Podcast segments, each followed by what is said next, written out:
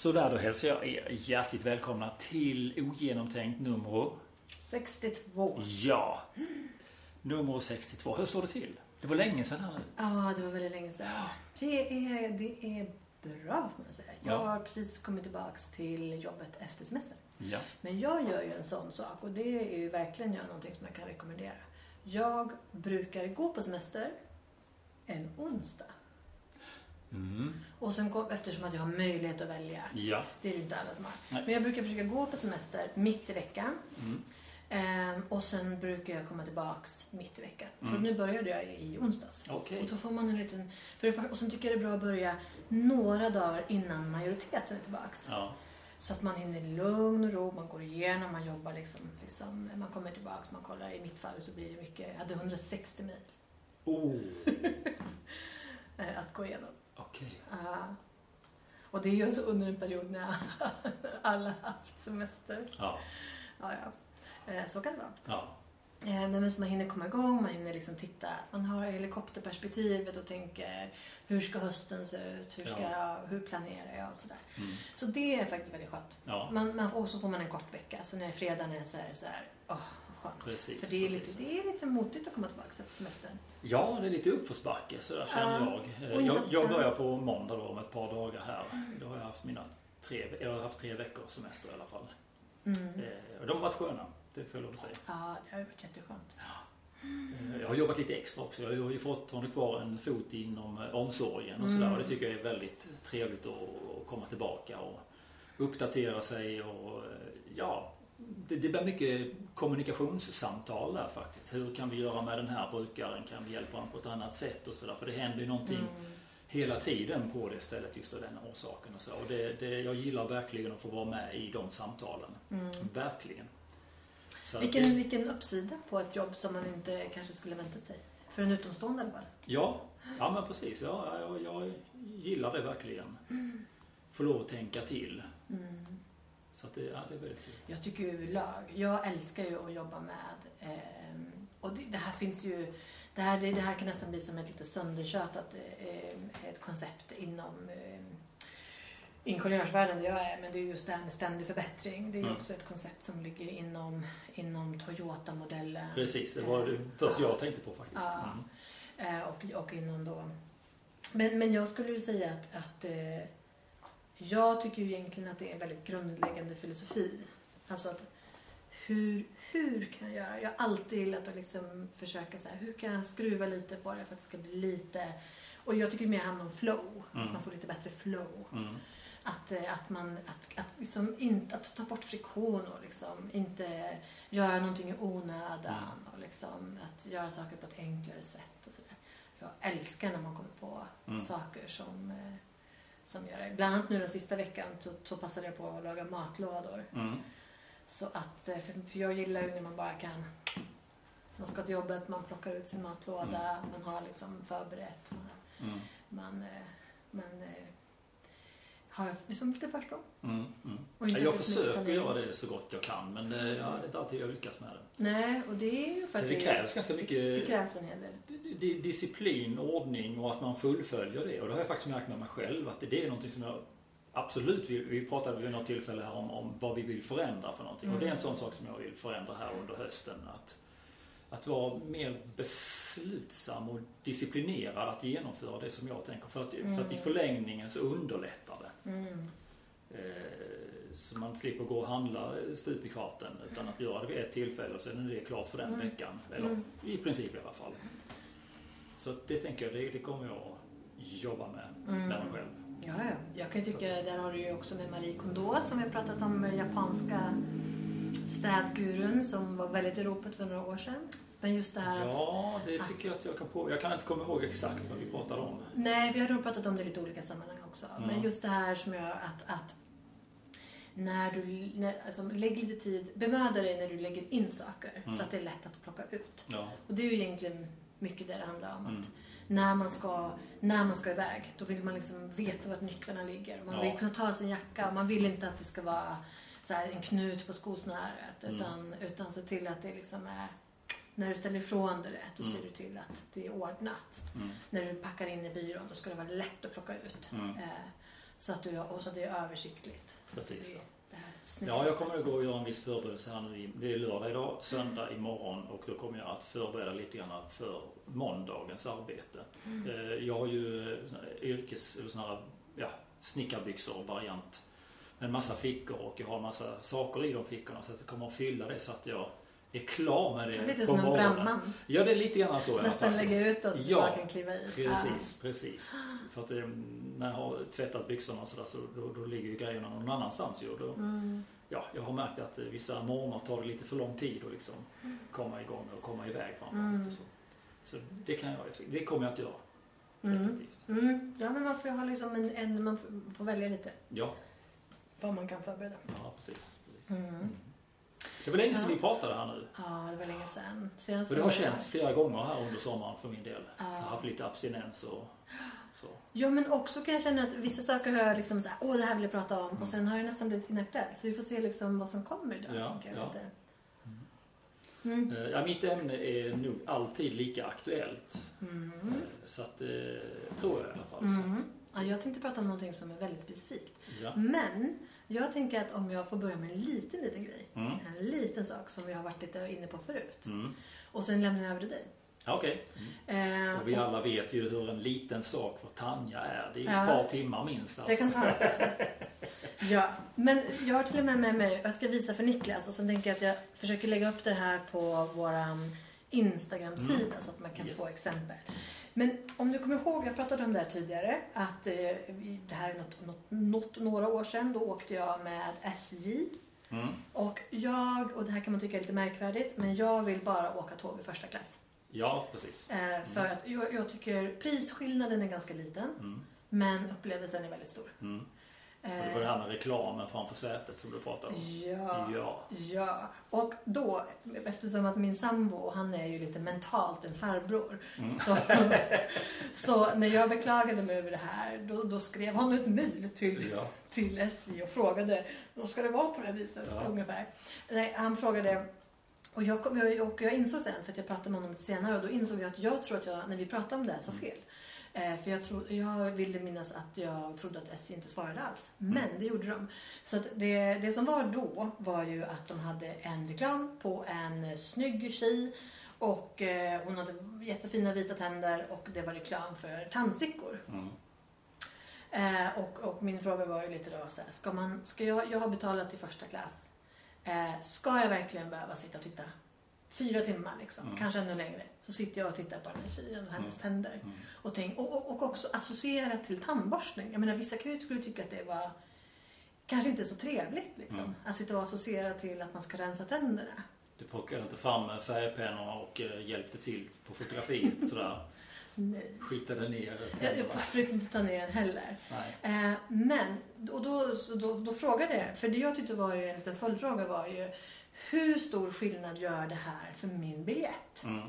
Att jag får sitta och titta på den här tandstickstjejen ja, i fyra timmar. Mm. Hur mycket gör det på min biljett? Och jag ville minnas att de inte svarade. Men min sambo sa så att eh, det de svarade var eh, att man får räkna med att det är reklam.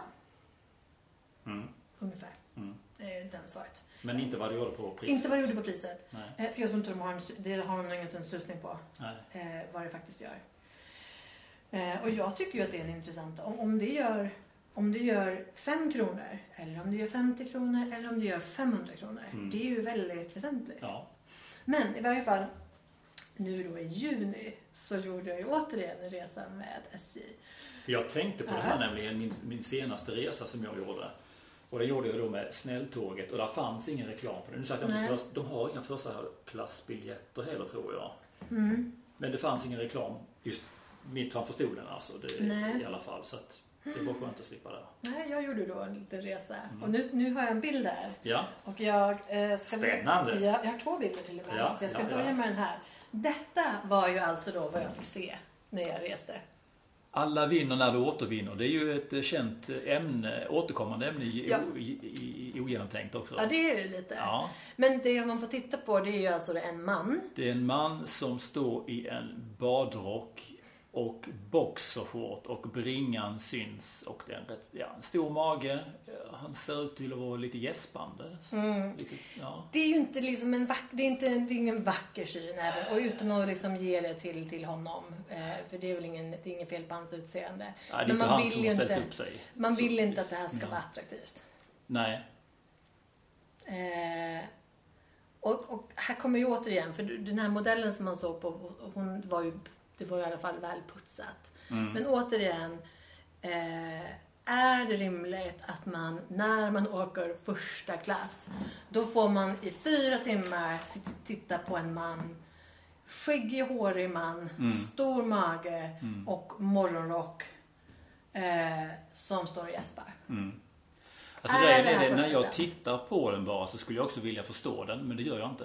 Nej, jag Alla förstår inte heller vinner riktigt på att återvinna, är det väl va? Ja. och, jag, jag, och så är det ganska mycket text under. Eh, och eh, man vill ju ändå förstå. Jag förstår inte heller vad, Ja. just vad... För att han, han återvinner ju. Han har ju grejer som han går ut med. Men det finns ju ingen riktig anledning för någon att gå ut det första man gör på morgonen och försöka Nej. återvinna. Nej, nej. Eh, utan, och man kan faktiskt... De flesta är väl ganska välklädda liksom när de återvinner också. Åtminstone normalklädda. Mm, mm.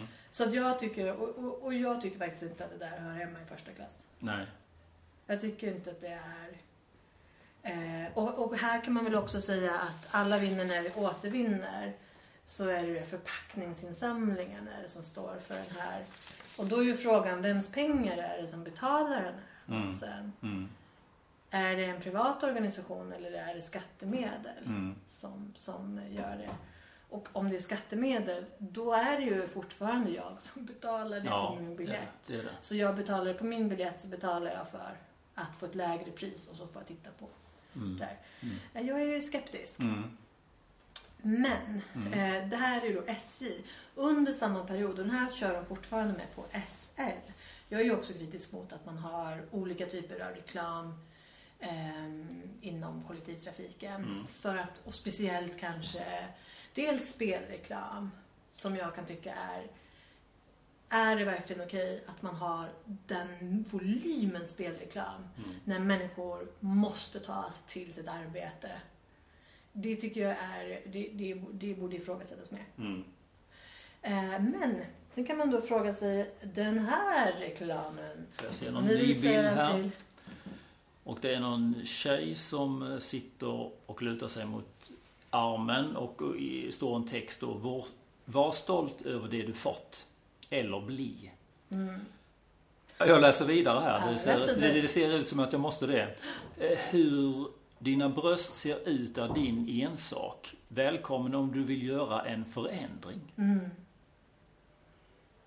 Okej, jag blev lite förvånad här faktiskt. Så här, här gör alltså då Stockholms lokaltrafik gör alltså reklam för att kvinnor ska förstora eller förminska sin byst. Precis. Det står till och med en prislapp på det. Ja, det kanske gör det. Ja, det står, det står någonting här. Pris från 45 000. Oj, jösses. Ja.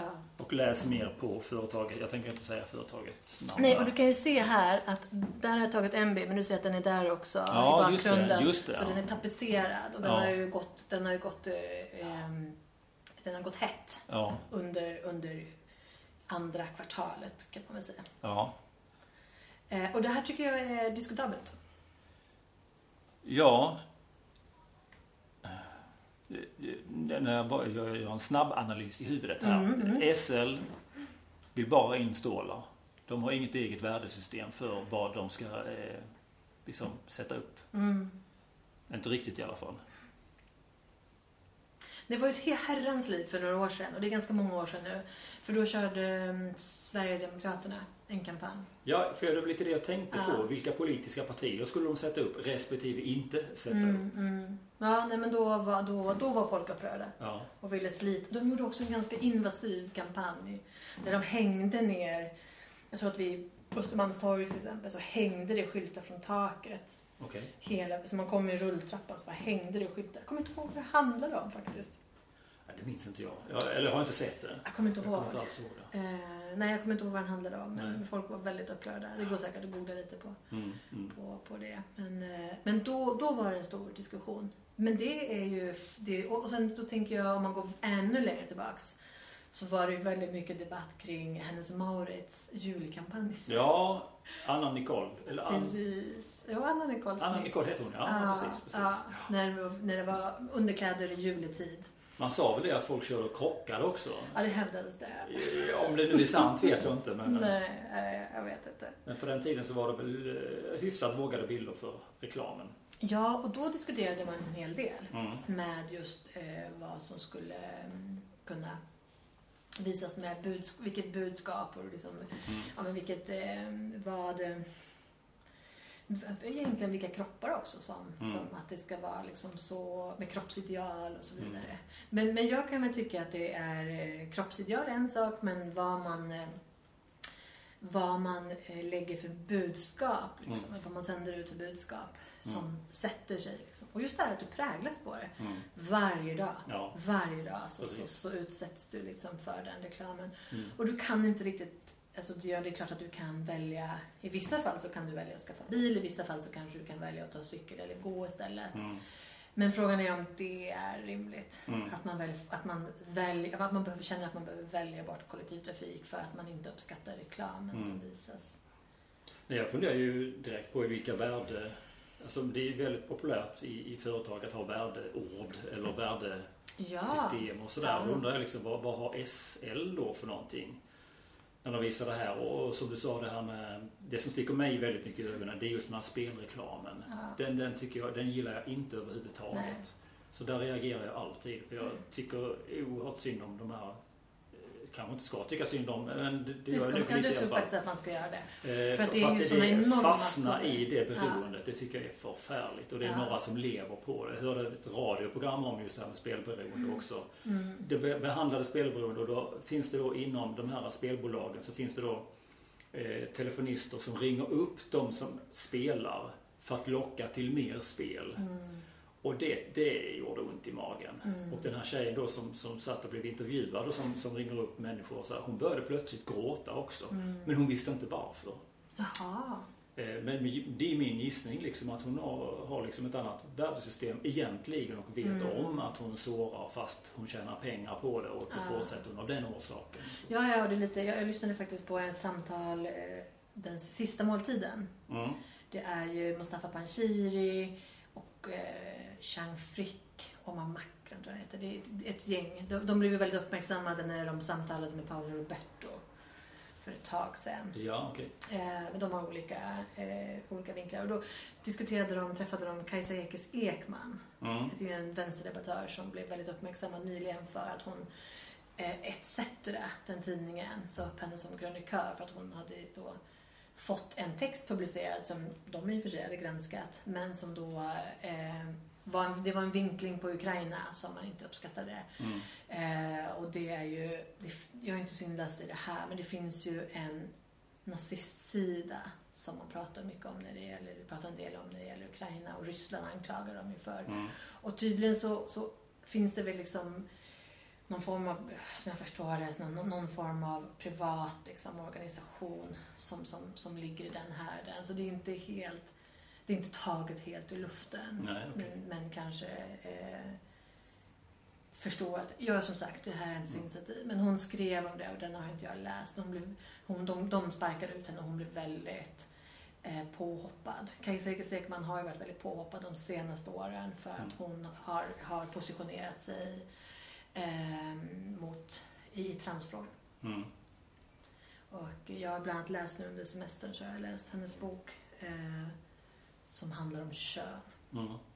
Som egentligen inte handlar om trans utan det handlar om, om, om hur man ser på kön och hur man har sett på kön historiskt och hur Mm. man, vad som händer nu när transfrågan kommer in i, i paletten. Liksom. Mm.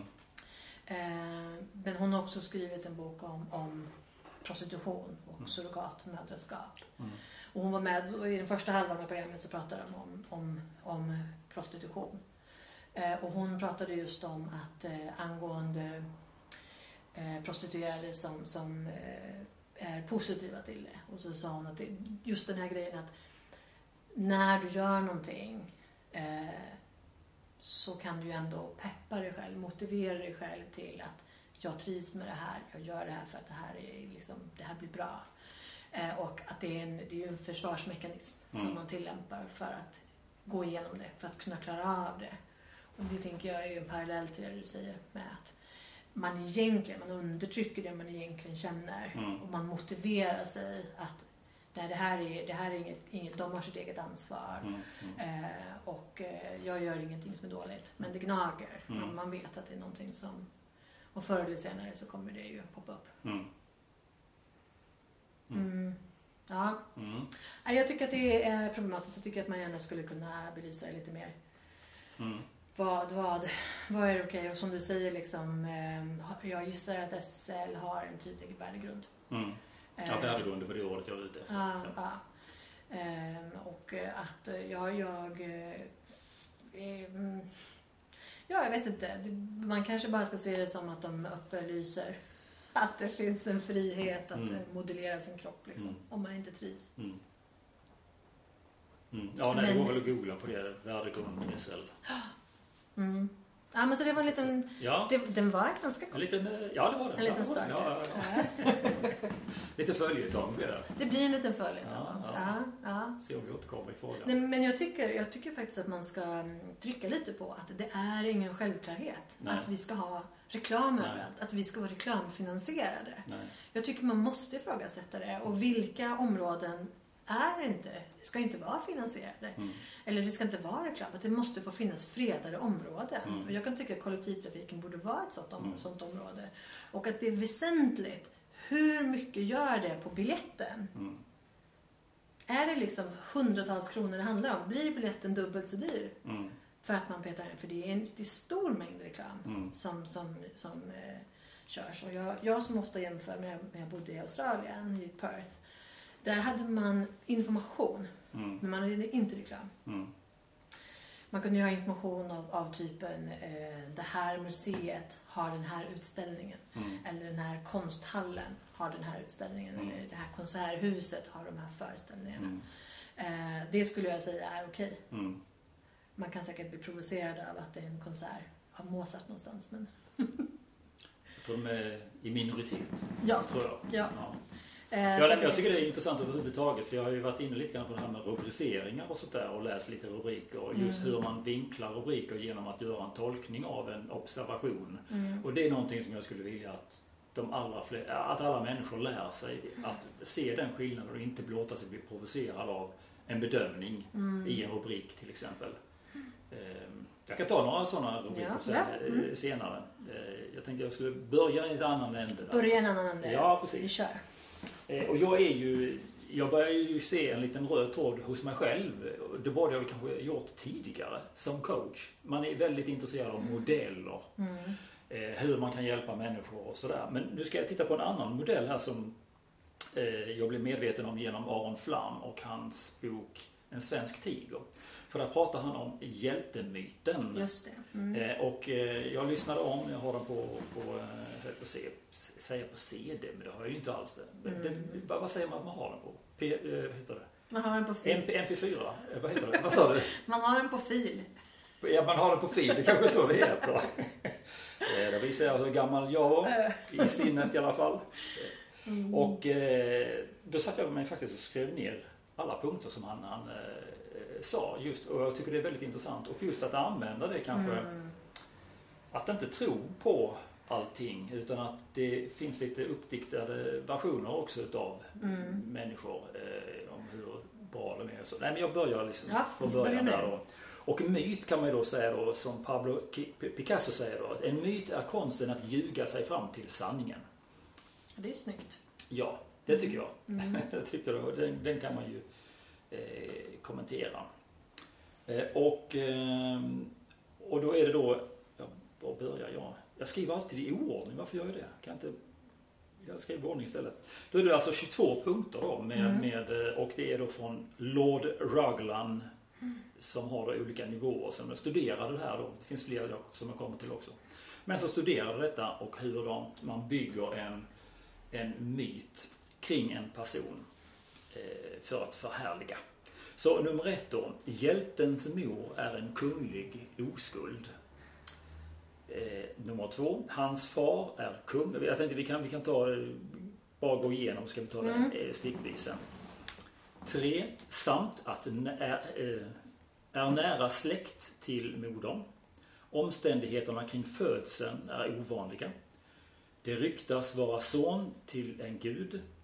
Vid födseln görs ett försök att mörda honom. Eh, han förs bort. Uppfostrad av fosterföräldrar i ett land långt borta. Nu är vi uppe vid nio här. Vi får inte veta något om hans barndom. 10. När han når mandom återvänder han till sitt blivande kungadöme. 11. Efter seger mot kungen, draken eller motståndaren gifter han sig då 12 med prinsessa och eh, motståndarens eller föregångarens dotter. 13. Han blir kung. 14. Härskar en tid utan problem. 15. Skriver lagar. Förlorar, eh, 16. Förlorar stöd från undersåtarna. 17. Fördrivs från tron och stat. 18. Går en mystisk död till mötes. 19. Ofta på en kulle, eh, oftast på toppen av en kulle. 20. Hans barn efterträder honom inte. 21. Han begravs inte. Men flera heliga platser uppkallade efter sig. Eh, för mig är det väldigt lätt att tänka Jesus här då. Mm. Eh, uppe på en, död uppe på en kulle och, och lite sådana saker här. Mm. Eh, och ta en sak till här. Alla hjältar med poäng över 6 bör ses som en historicitet. Mm. Det vill säga en sann person som funnits men med ett omskrivet eller vinklat förflutet. Ett motsatsord kan ses som fiktionalitet, där hjälten är fiktion helt och hållet beträffande kungar, drottningar och så vidare här nedan kan skrivas om till dagens ledare inom politik och religioner och så vidare. Eh, så man får väl se det här lite grann metaforiskt för just Lord Ruglands eh, mm. version här. Eh, och jag tycker den här, jag tappade faktiskt haka. Alltså jag har ju ändå hållit på mycket med, med retorik och sådana där saker och intresserat mig för det och läst mycket. Men just det här då med mytbildning kring en hjälte, eller hjältemyten. Den har jag faktiskt missat helt och hållet. Mm. Så när jag lyssnade på det här så tappade jag faktiskt hakan. Och, och liksom såg eh, hur vissa passade in väldigt bra i den här versionen. Eh, och Aron Flam han, han citerar då med, eller hänvisar till Barack Obama och mm. Jesus. Nu är ju inte Barack Obama död än så länge men båda två har 19 poäng utav de här 22. Mm. Eh, och, och, och, som jag sa då så hjältar så att säga med eh, citattecken med poäng över, C, över 6 bör ses som historicitet Ja, de har funnits men kanske med en vinklad version utav Jag tror ju att Meghan Markle skulle kunna vinna lite poäng här också faktiskt. Det är ju som är gift. Eh, jag, jag kommer ihåg att jag pratade om eh, Meghan Markle som är gift med prins Harry. Och enda hon är ett baby. I min värld ja, ja. Så, så ser jag henne som en, en, eh, ett, en baby ändabarns prinsessa. Mm. Mm. Det här jag tänkte faktiskt att ja, nu får vi se om det kommer några kungligheter här i, i, ja. i dina associationer. Det gjorde det mm. Ja, nej men jag tror, ja. att, jag, jag, jag, tror att man skulle kunna eh, hitta några poäng. Ja, eh, för jag tänker ju Lady Diana tänkte jag också. Ja. Eh, ja, jag skulle kanske också, om man tar, ja hon har väl begravts. Eh, har hon fått någon plats uppkallad efter sig? Vet du det? Ja, det lär hon ha fått. Jag tänker också det. Det måste hon ha fått dör, går en mystisk död till mötes. Det, det får man väl ändå säga är lite ja, mystiskt där. Ja, ja, absolut. Inte på en, toppen av en kulle dock, det var ju nere i en tunnel. Mm. Det var det motsatta nästan då. då. Ja, fast ändå på en liksom, det är ju, det är ju på, det är ändå på en specifik plats liksom. Ja, det är det. Det är det. Mm. Och förlorat stöd från undersåtar. Eh, det får man nog också ja, precis. säga. Men... Skriver lagar gör hon inte, hon blev inte kung med prinsessa där. Eh, om, ja, efter seger mot en eh,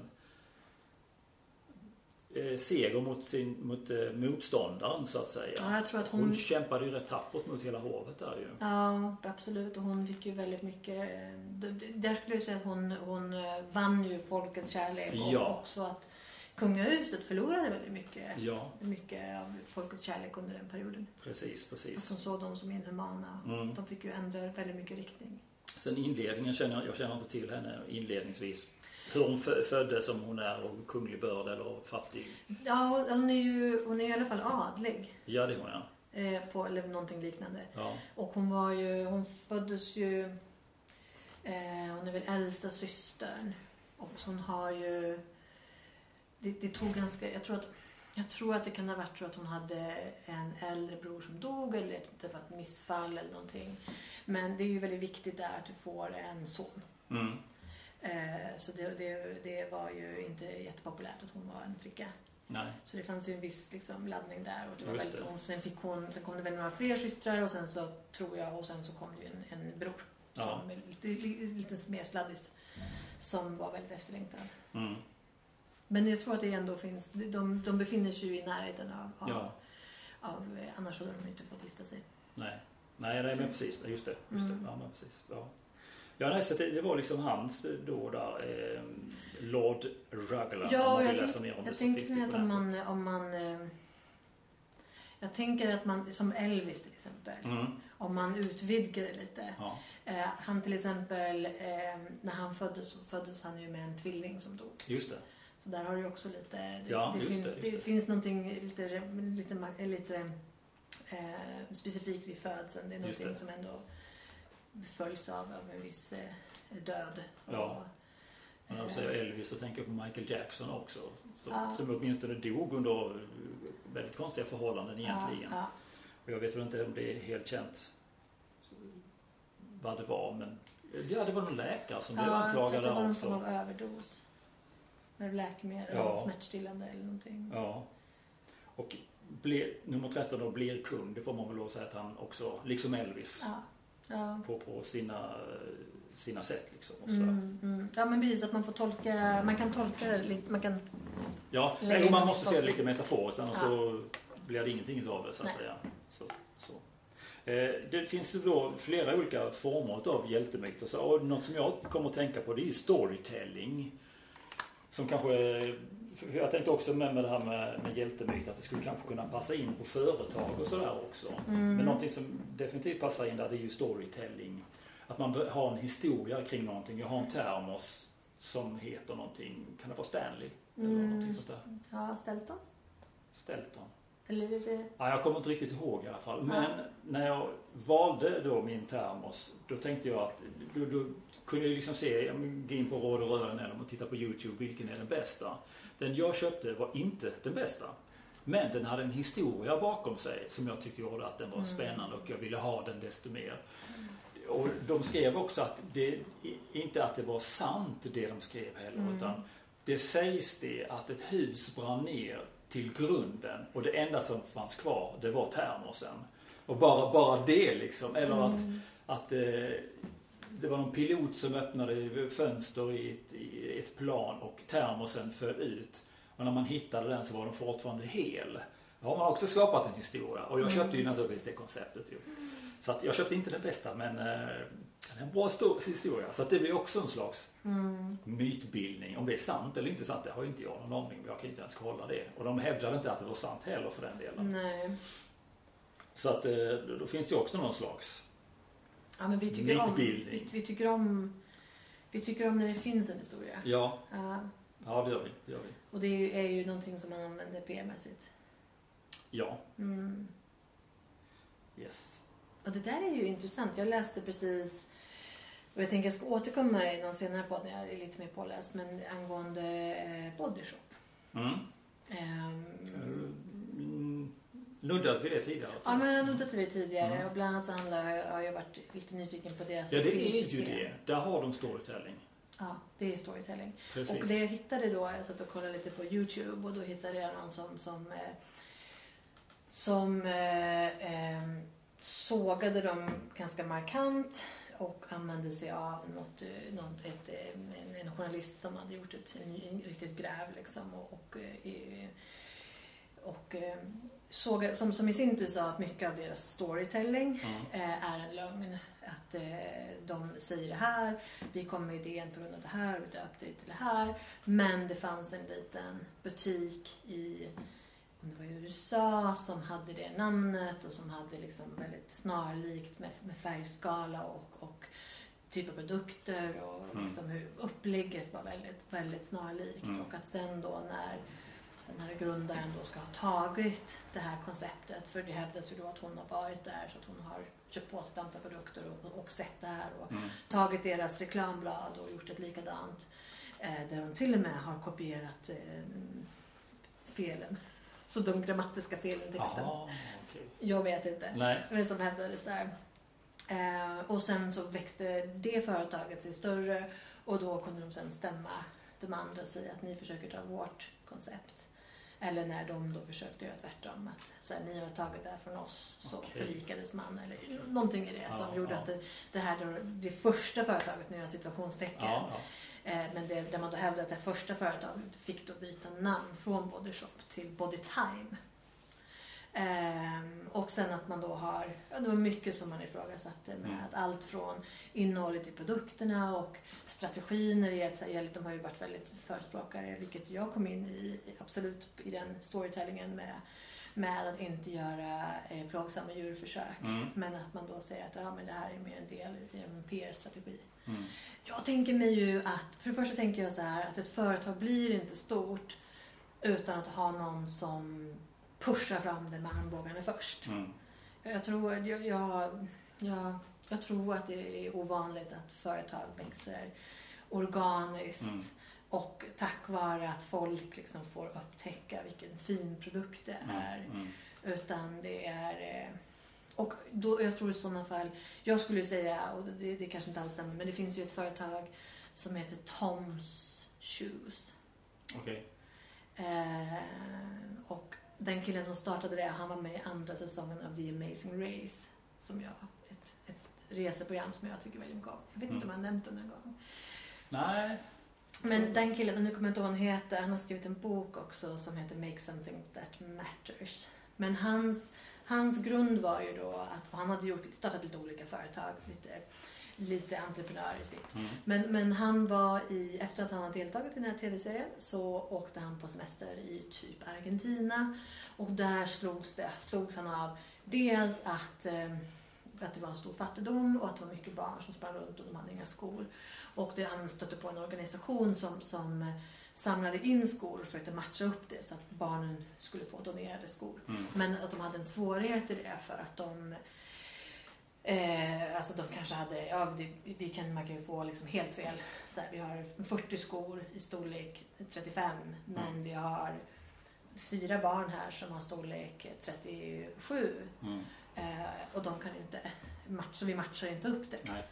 Och han slogs också av att det fanns en lokal sko, en liten espadrillo typ, Mm. som han tyckte att hmm, den här, en sån här sko, om man modifierar den lite så fyller vi ett tomrum i USAs marknad. Mm. Som jag tror, jag tror att om man, om man gör, gör en lite annorlunda, ungefär så här men lite annorlunda så kommer den att eh, uppskattas på den amerikanska marknaden. Mm. Så han gick till en lokal skräddare eller en lokal skomakeri och eh, de tillverkade eh, de, några prototyper och han testade dem och de gjorde om och, så, och sen så fick han med sig typ 100 eller 200 skor hem. Mm. Och som han sen då eh, tryckte ut och sålde. Och då sålde han dem med konceptet att när du köper ett par Mm. så donerar vi ett par till den här hjälporganisationen. Mm. Så one for one Mm. eh, pratar man om. Eh, det här är ju också lite storytelling. Ja, det är det. men det, är det absolut. Eh, och, och det här var jättestort under många år. Mm. Eh, sen så är det ju det och jag tror att det är det som kanske är Kanske då när det finns någonting en, en genuin idé. Jag vill ju tro på det i det här fallet. Mm. Det finns en genuin idé. Mm. Men någonstans så finns det, ingen, det finns ingen riktig utsträckning på det. Någonstans för att företaget ska fortsätta vara ett framgångsrikt företag så måste det hända nya saker. Mm. Och det hade de, de hade ju svårt att vidareutveckla liksom. Utan den där skon var, var väldigt populär, väldigt framgångsrik. Mm. Men sen så blir det ju en mättnad på marknaden. Ja. Eh, och då börjar de ju tappa liksom, i framgång. Och det slutade med att han sålde företaget. Och jag misstänker att det finns kvar. Jag har inte kikat riktigt på det. Eh, men, eh, och konceptet kanske också finns kvar. Men det är väl inte riktigt samma som det var initialt. Nej. Och det kanske då är ett exempel på liksom att du har, man har en genuin idé, man kommer med någonting, man prickar det. Men eh, för att det ska bli någonting beständigt då måste det ju liksom mer Mm. industrialiseras Mm. till någonting annat och, Mm. och vidareutvecklas. Mm. Ja, precis. Mm. Jag tänkte lite grann på eh, det som vi har pratat om förr och gjort. Eh, Du leder ju Zuma Move. Mm. Just att växa organiskt och sådär. Och den har egentligen funnits ganska många år. Mm. Men den har ju inte växt sådär väldigt mycket. Eller hur ser det ut nu på fronten?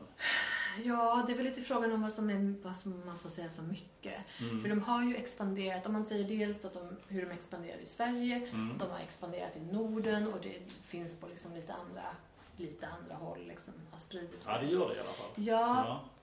och sen, tänker jag, och sen om man tänker som det konceptet så har de ju, de har ju Soma Move som är grundkonceptet som är den här ganska, ganska kraftfulla liksom, träningen som ändå kan anpassas.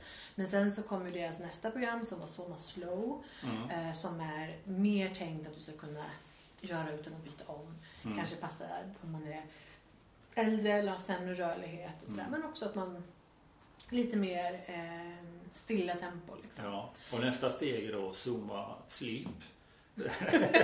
Sen kom då, precis. Sen kom ju Soma Mind. Nej, Soma Mind kom nog faktiskt före Okej. Soma Slow. Mm. Egentligen skulle jag säga att det är ett yin-yoga-pass. Mm. Eh, Fast man har paketerat in det i Soma-konceptet. Mm. Eh, så där har du tre och nu har de ganska nyligen kommit med ett mer, jag kommer inte ihåg vad de kallar det, om de kallar det för Soma Strength eller någonting. Mm. Men där är ju, jag har inte provat det måste jag säga. Nej. Men jag, jag, min bild av det är att det är lite mer, lite mer, lite närmare pilates. Mm. Så stark mm, core Ja. Ja. Ehm, men så att Ja, man det bygger har, lite har hänt, hänt lite så där i alla fall. Ja. Men, men hur har man fört ut det så att säga för att få det att växa? Har det då varit det organiska eller har man då fått pusha på något annat sätt? Ja. Eh, man pushar nog lite också. Eh, jag tror att man har inte samma... Jag tänker mig ju att alltså man, det, det är ju att det är ett, det är ett färdigt träningskoncept som man säljer till instruktörerna för att instruktörerna inte ska själva behöva sitta och hitta på någonting. Mm. Du, kan, du, kan, du får någonting som är färdigt när musiken allt är klart och så Yes. bara lär du in det och sen så får du förmedla det. Så att Mm. man, och så får man som instruktör fokusera på att vara instruktör. Ja. Och det finns ju liksom lite sådana pass. Eh, Les Mills var ju de som egentligen var först med att paketera det. Mm. Eh, det fanns ju gruppträning innan om man till exempel tar Jane Fonda och, och så, så fanns det en hel del, och även skivstångspass och allt möjligt. Så de uppfann ju egentligen ingenting nytt när det gällde träning utan Nej. det de uppfann var ju förpackningen. Yes. Att man satte ihop det. Och sen har du ju Zumba Mm. som också är. Och nu tror jag att man har, för det är det som jag tror är lite grejen, att väldigt många anläggningar nu svänger tillbaks lite. Så att det är, blir mer vanligt med att man tar fram egna koncept. Mm. Att Sats till exempel, tar, de har egna koncept Mm. som de skapar till sina instruktörer. Och även att instruktörerna själva skapar koncept. Mm. Så jag tror att det har svängt lite med, för ett tag så var ju Les Mills extremt dominerande. Ja. Och de var ju också väldigt starkt växande. Och jag Mm. tror att de har backat lite. ja. Att man har mer. Eh, jag vågar inte säga riktigt hur många som... Hur, hur, eh, det är ju inte jättevanligt i Stockholm. Ska jag säga. Nej, det är lite det jag tänker. Mm. Men du kör på nätet ibland va? Eller? Jag, jag kör ju på, på söndagar. Ja. Så är man intresserad så kan man gå in på alod.nu Mm. och delta via Zoom. Eh, jag har inga klasser på lokal. Nej. Däremot så kör jag en klass på, på det jobbet som jag är. Ja, du gör det? Mm. Ja. Men jag skulle säga att det är inte så... Det, det finns inte på jättemånga ställen i Stockholm. Nej. Det är lite svårt att hitta det. Mm. Så att det, finns, det finns ju utrymme för det att, att växa. Mm. Mm. Ja, Jag blir lite nyfiken just det här växandet och så. Ja, att växa För, och för det har jag också, f- precis, för det har jag ju liksom funderat på också med, med det jag håller på med då med min, Mm. min bok Superkommunikatörerna och hur om jag skulle packa om den på något vis eller ska jag göra en storytelling kring det hela, vilket jag egentligen inte är intresserad av. Nej. Eh, Vilket inte ens är nödvändigt utan det finns modeller som var och en kan göra och få nya resultat i livet. Mm. Och sådär. Jag Så det var därför jag, jag tänkte liksom, ja, ja Men jag tänker ju mycket, det här, vi pratade ju om det för ett tag sedan. Med, när vi fikade tror jag. När vi hade våran Ja, vi har, jo, vi har pratat ja, Ja, om, om Men just det här jag, organiska och så. jag skulle vilja, jag vet inte bara hur, men jag skulle vilja starta liksom som en mer pass it on rörelse. Där man liksom, man rekommenderar saker. Eh, och att man faktiskt testar det som någon rekommenderar. Jag tror att det är det som är den stora. Och att man, att man, ehm, att man förmedlar vidare. Så att det får spridas lite mer eh, Ja, att man upplyser om det från allra första början också. Ja, men Ja. också att det är så här att man till exempel, du sitter på jobbet och sen Mm. säger ni, vet ni, jag kör den här träningsformen som jag tycker är så himla bra. Mm. Jag kan verkligen rekommendera den. Mm. Och att man då när man säger, när någon, när någon säger en sån sak, Mm. för sånt där säger ju faktiskt folk hela tiden. Mm. Att man då säger, vad var det du sa att det hette? Mm. Om du tycker att det är bra, då är det värt för mig att prova det. Då ska jag göra det. För ofta så tror jag när någon rekommenderar någonting, någon rekommenderar en bok, så är man så här, eh, ja, ja, den tyckte du var bra liksom. Mm. Men att man faktiskt snappar upp det. Mm. Och sen då, då, då lånar man den där boken. Mm. Och sen så, eller tittar på den där filmen eller vad det är. Och faktiskt, faktiskt tar det. Mm. För att jag tror att vi har, jag tror ju att vi har ju, jag kommer ju i, i kontakt med de här begreppen som just det här övertalningssamhället där vi lever i. Ja. Att vi, vi dels har, vi har ett överkonsumtion. Mm. Alltså, eller vi har det här övertalningssamhället som lever i, det bygger ju på att vi har ett överflöd av Mm. produkter. Vi har, vi har mer än vad som... Det går inte att lyssna på alla poddarna som finns ute. Nej. Det Nej, är omöjligt. det är det. Det produceras, för, det produceras, jag vill inte säga att det produceras för många poddar, men det produceras en så stor volym. Mm. Så du kan absolut inte liksom lyssna dig igenom allihopa. Eh, och det blir ju väldigt svårt att, att här, synas. Mm. Ehm, så, att, så att det tråkiga är ju just att man går miste om de här som man faktiskt Mm. skulle vilja lyssna på. Mm. Ehm, och, och de som man lyssnar på är ju många gånger det som man då övertalas att lyssna på. Det vill Mm. säga som trycks fram liksom i Mm. reklam eller liksom på något sätt. Där man får höra om och om igen den här podcasten, den här eller vad det nu kan vara. Ja, precis. Ja, Sånt tröttnar jag ju på. Ja, och jag skulle vilja ha ett annat format. Jag är ju överhuvudtaget, nu kommer vi tillbaka lite här till reklam. Mm. Eh, jag skulle vilja ha ett annat sätt att eh, ta till mig information om att det finns. Mm. Och jag tänker ett sånt sätt är ju till exempel att när du går och handlar så får du ett prov. Mm. Du får en smakprov, du får en liksom så här Varsågod, vi Mm. delar ut små, små prov. Det kan vara inte så här, du går och handlar på, på Body Shop Mm. eller Mm. någon annanstans.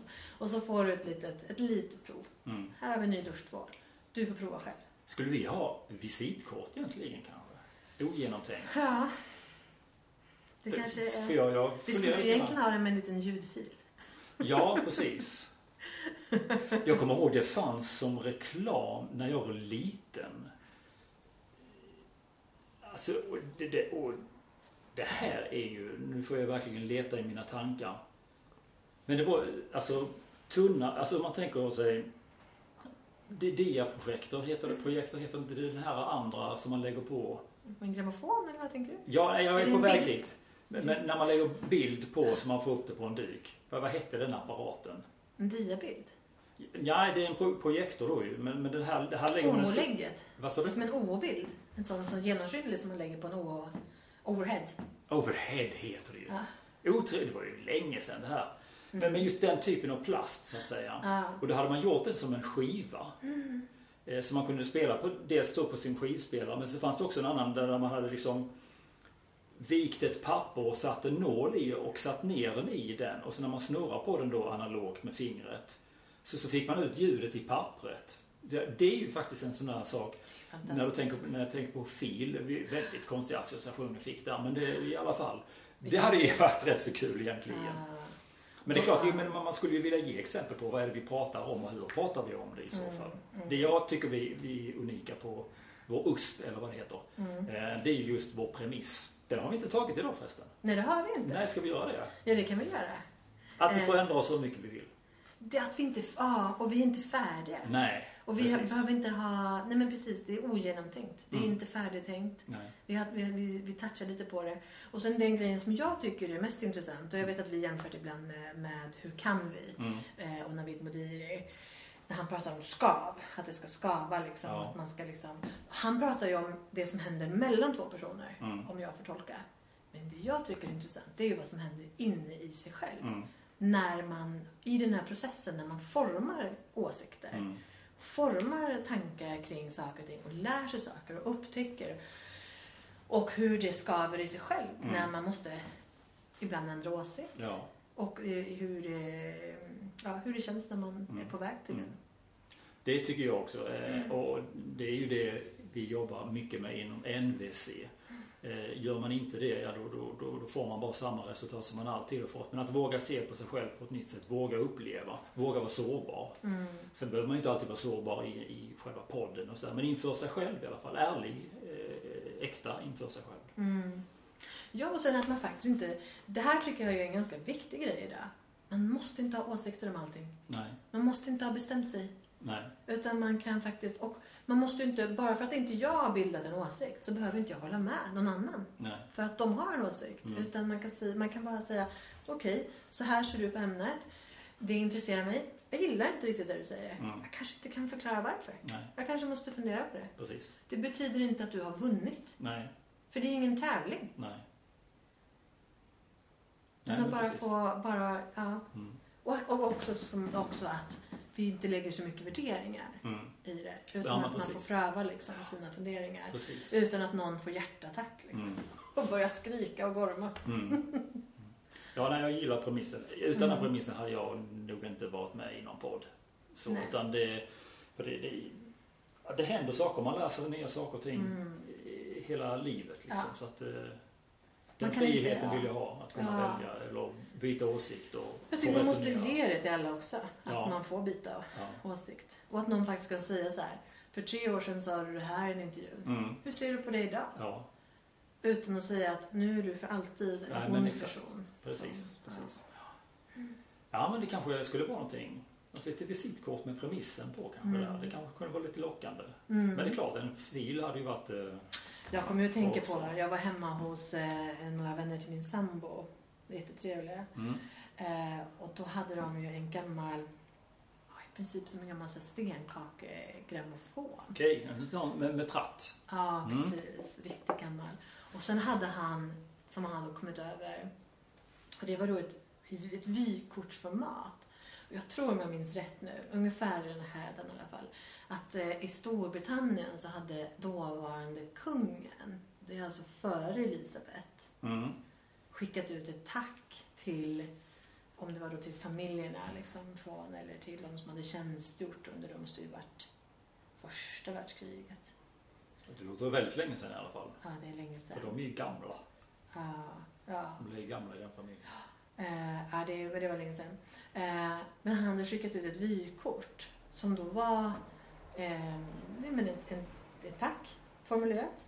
Och sen så kunde man lägga den och sen så spelade den typ nationalsången. Otroligt. Ja, jätteläckert. Det var ju liksom så här när historien fladdrade Ja, men precis. framför en. Det Ja. var ju läckert. Det är häftigt. Det är häftigt. Mm. Och också att en sån, en sån då, en sån, jag tänker mig att den gesten betyder väldigt mycket för Mm. människor Mm. att få. Jag funderar på vad man skulle kunna, hur skulle någon, eh, vad skulle man kunna göra idag liksom, som Mm. skulle kunna hänga kvar Tidigare var det ju så att kungen skrev brev till de som hade fyllt 100. Mm.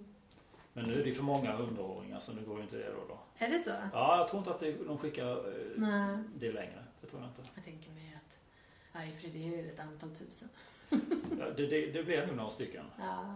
Det blir nog. Ja. Jag har lite mer eh, när det gäller hjältemyten här. Och så, för det, det finns flera eh, varianter utav det. Och jag tänkte dra en variant här som, vad heter han, George Lucas skrev till Star Wars. Mm. Eh, Och han hade ju svårt i början att skriva just sitt epos där. Men det lossnade först när han hade, läst Joseph Campbells hjältemyt. Och den inleder då, och det här kanske man då kan ta och, om vi plockar fram Sagan om ringen till exempel. Jag kan den väldigt dåligt men jag, men jag tror att den följer det här upplägget ganska väl. Eh, och då inleds alltid då i, som kapitel 1 då, då avfärden. Mm. Och det är alltså själva starten på den och 1, Kallelse till äventyr. Mm. Nummer två, Kallelsen avvisas. Tre, Övernaturlig hjälp. Fyra, Färden över den första, första tröskeln. Och fem, I valfiskens buk. Mm. Eh, färden över till första tröskeln. Det står som fyra och fem. Jag tänker att valfiskens buk är tröskeln över. För det, det åsyftar ju eh, berättelsen från Bibeln om Mm, eh, Jona och valfisken då. Där man slänger ner Jona eh, i, en, i vattnet för att få stormen att bedarra.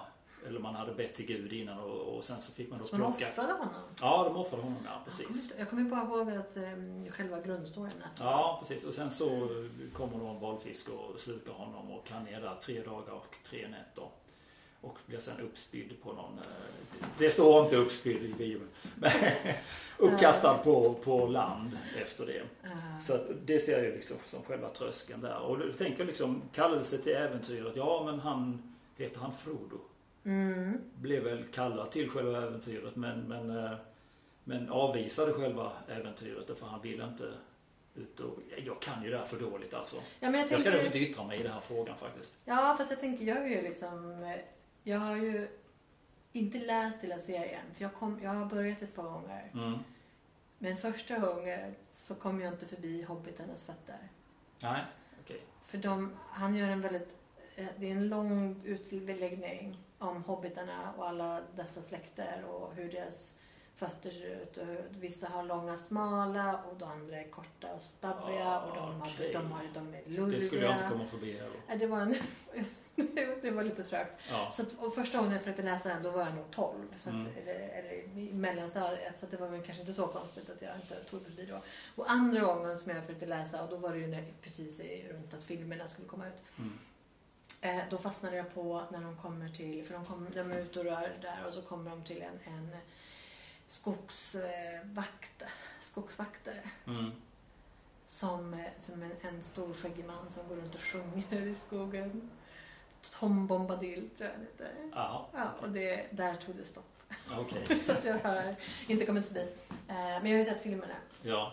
Eh, så att jag, Frodo, eh, det är ju den här eh, Bilbo, hans, hans farbror, har ju sin fest. Mm. Eh, och han bjuder in en massa bland annat och kommer Gandalf dit som är den här trollkarlen. Just det.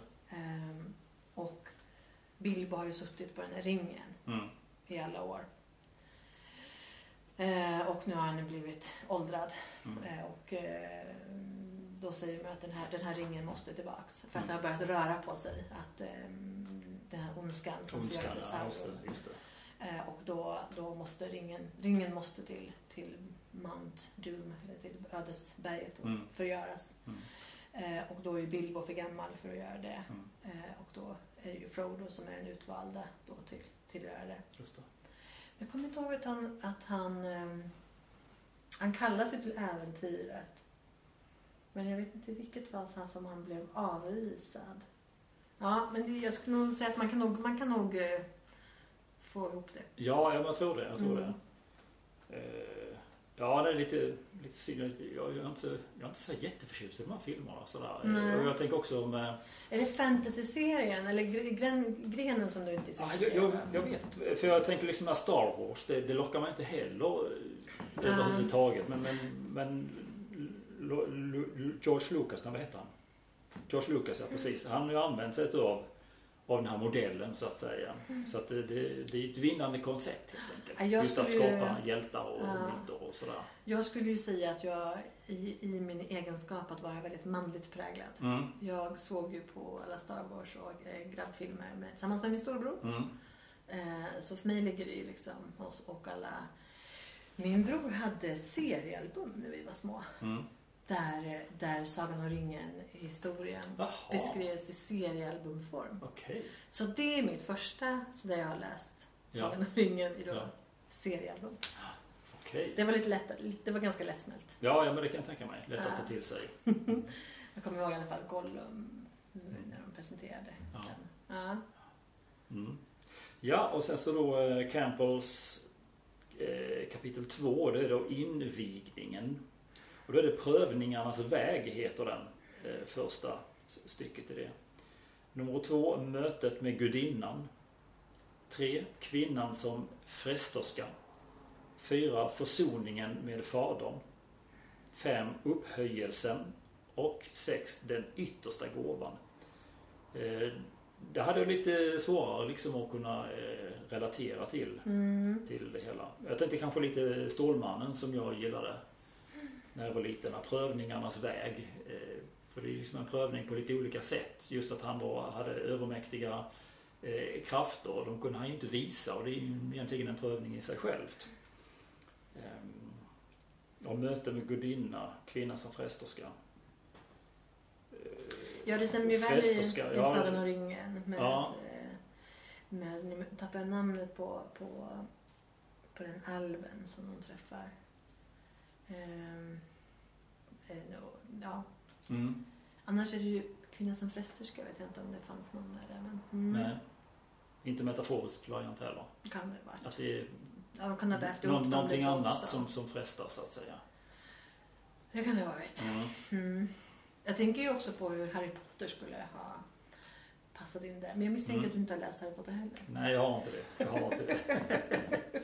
jag läser min filosofi och coaching och Ja. lite sånt när jag läser. Jag tänker också som Mio med Mio Mm. eh, skulle passa in. Mer kanske på den hjältemyten som du pratade om först. Mm. Ehm, ja. Ja, just det. Mm. Ja, precis. precis. Vidare, sista kapitel 3. Återkomsten heter den. Och där var väl någon återkomst i, i eh, Sagan om ringen, Mm. om jag minns rätt.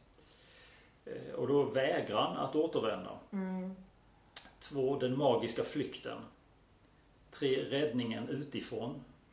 Färden över återkomstens tröskel. Herre över de två världarna. Och frihet att leva. Mm.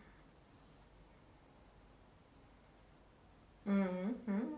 För er som tittar på eh, Instagram då kan ni få skriva vad ni, hur ni resonerar eller vad ni eh, associerar till. Om det finns en speciell berättelse som, som passar in i det här. Det kan ju vara en liten uppgift. Mm. Så jag lär mig någonting också. Mm. Eh, Ja, det var de här två, eller kanske till och med tre olika sätten att se på just det här med hjältemyten, hur man skapar det. Eh, Och jag, jag blev väldigt fascinerad över det. Just, just att man kanske inte ska... Eller som... Jag vet jag har ingen riktig slutsats heller, men, men det här där slog an hos mig. Just att man tror på någonting för en viss orsak som kanske inte ens är sann. Mm. Eh, Och då kanske man behöver vara lite observant i livet på, på vem och vad som sägs kring en person och sådär.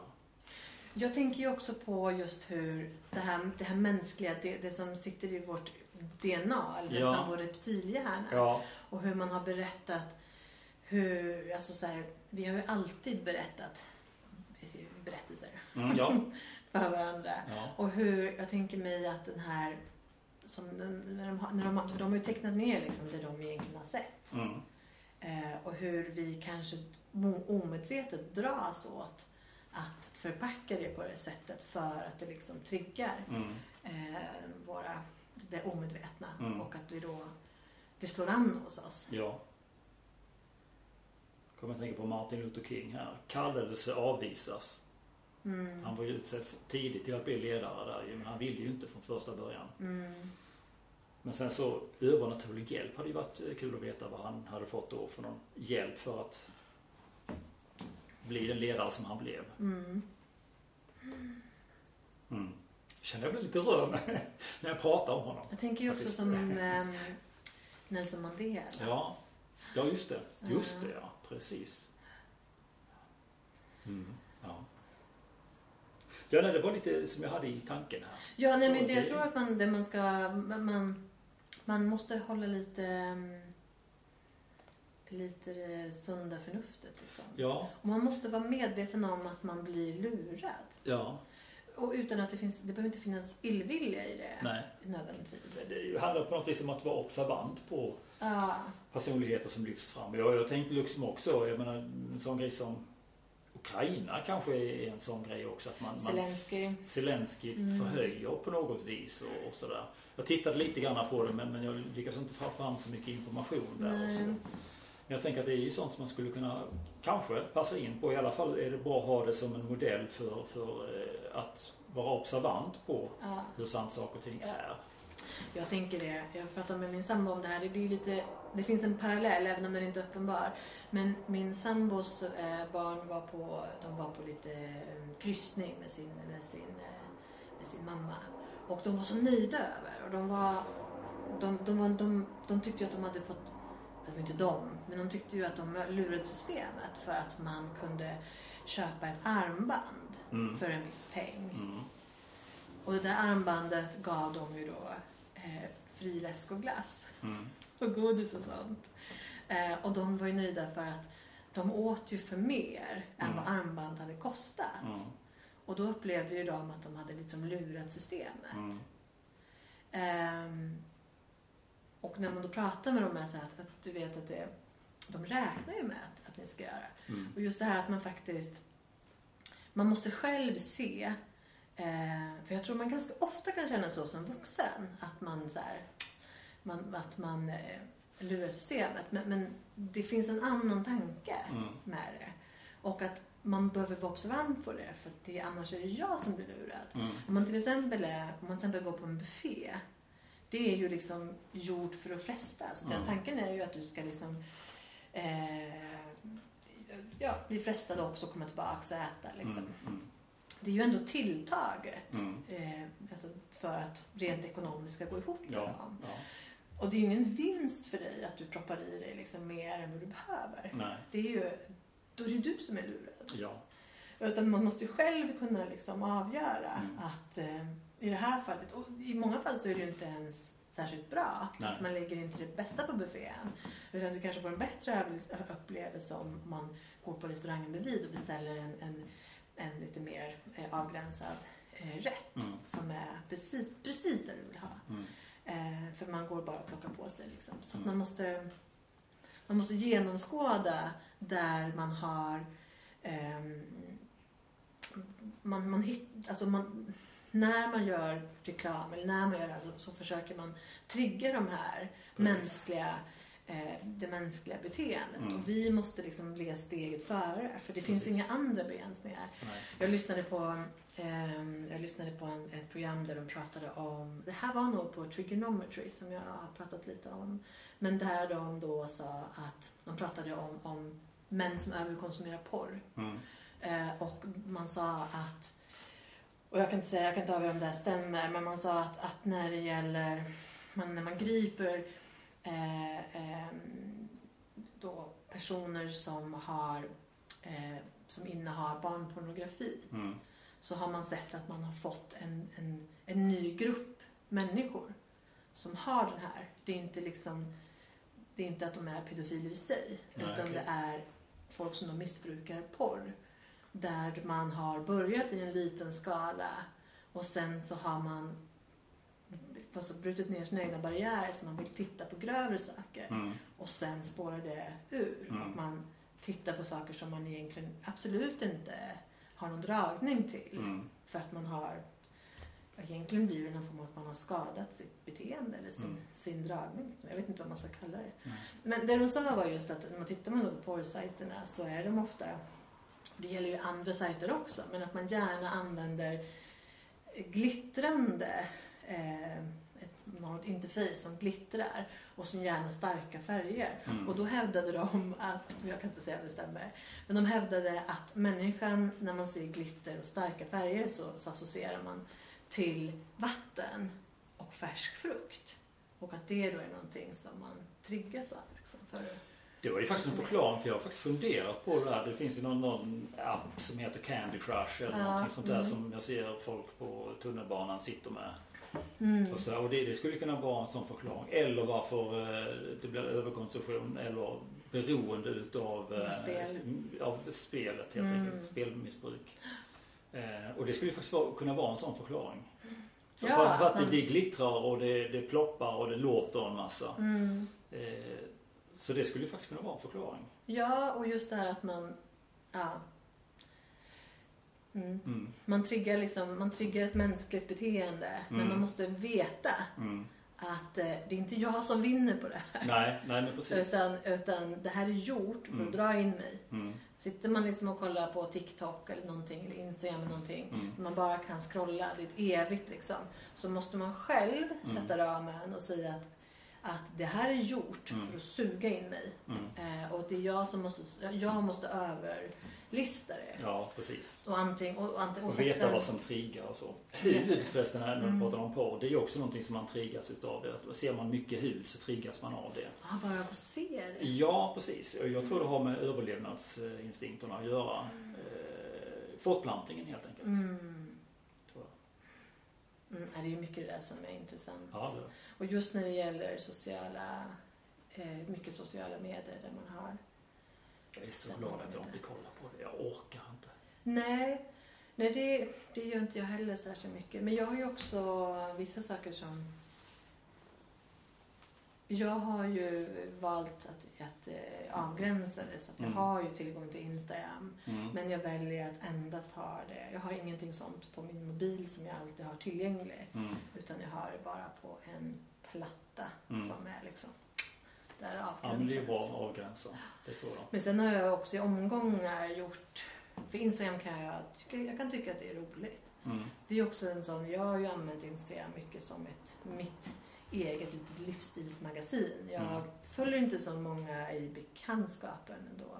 Men jag väljer att kolla på lite olika saker som jag är intresserad av. Det kan vara resor, det kan vara mycket, mycket konton från Perth. Det tycker jag är kul att se. Ja. Eh, och då blir det mer, det blir mer som att man har skapat ett eget livsstilsmagasin. Mm. Upplever jag. Mm. Sen så har det blivit mer reklam så det har blivit sämre.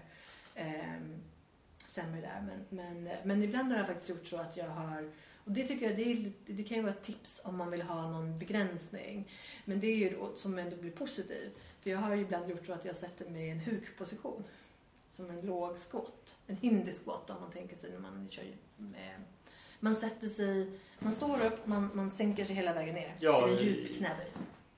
Eh, Ja, sätter sig på huk. Man sätter sig på huk. Ja. Ja. Eh, Jag, jag använder väldigt svåra ord för att komma fram Ja, jag till, till det som man säger. Man ja, sitter på huk. Ja, precis. Och fortsätt nu där för att, eh, så att jag förstår själva. Ja, för att man orkar ju inte sitta på huk hur länge som helst. Nej. Det, det är ganska begränsat. Ja.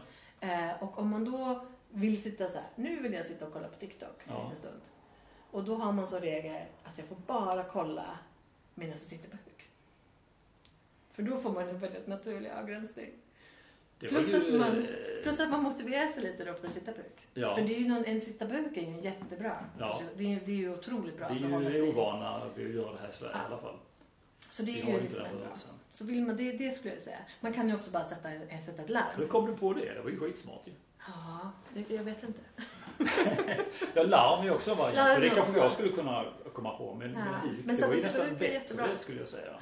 Ja, så Ja, det är en smart. liten, Ja, eh, det är en liten sån. smart. Mhm. Mhm. Ja, det, det var vad jag hade idag om Mm. hjältemyter. Mm. Och sen så kommer jag till lite andra modeller så småningom. Men, men det, Ja, men jag tycker den är, det är intressant. Mm. Jag tycker att det, Jag det, tycker det. Man, vill, man vill se de här punkterna framför sig mm. och sen eh, fundera över olika fenomen. Ja, och jag funderar på om man skulle skriva om det också. För det här var ju liksom lite gammaldags om man säger. Med Mm. kungar och drottningar och eh, oskuld och hela kittet liksom. Mm. Jag tänkte, hur, hur ser det ut idag om man skulle översätta Mm. det? Mm. Barack Obama till exempel, hans pappa var ju inte kung. Men, men över ett imperium i alla fall, industriimperium eller någonting Ja. sånt där. Så det, det fanns... Så det är därför jag tänker liksom metaforiskt på det. Mm. Och hitta fler exempel. Så. Mm. Ja, jag tappade hakan när jag hörde det här. Mm. Det, ja, det var väldigt bra. Mm. Mm. Yes. Nej, jag funderar faktiskt på att prata någonting som är dagsaktuellt. Mm. Och någonting som då är dagsaktuellt är ju faktiskt Pride. Ja, det är det. Som är idag. Och nu Yes. tänkte inte jag prata om eh, Pride, men jag tänkte prata om lite sådana eh, sånt som har varit lite på tapeten i diskussion som, som, som i som rör. Det här är inte så himla planerat utan, utan det får vi eh, associera lite fritt till. Men jag, jag drar, Ja. lite, drar lite. Jag tänker dels, eh, och det, det är ju direkt med Pride-paraden, dels har ju Ebba Busch fått lite kritik under senaste veckan. Eh, Har hon varit med i Pride här nu? Hon brukar gå i Pride. Jag, jag såg en bild på henne men jag visste inte om det var detta eller om det var någon annan. Nu eh, kommer det låta lite grann här i mikrofonen. Vi har lite champagnevatten. Det är ett trevligt ljud egentligen. Ja, det är inte, inte toalett. Eh, nej, 2018 så gjorde, gjordes det en intervju med Ebba Busch i eh, någon lite mer, lite mer någon, någon tidskrift med lite mer kristen inriktning. Och då pratade hon... Dagen finns det. Ja, precis. Det var Mm. den. Ja.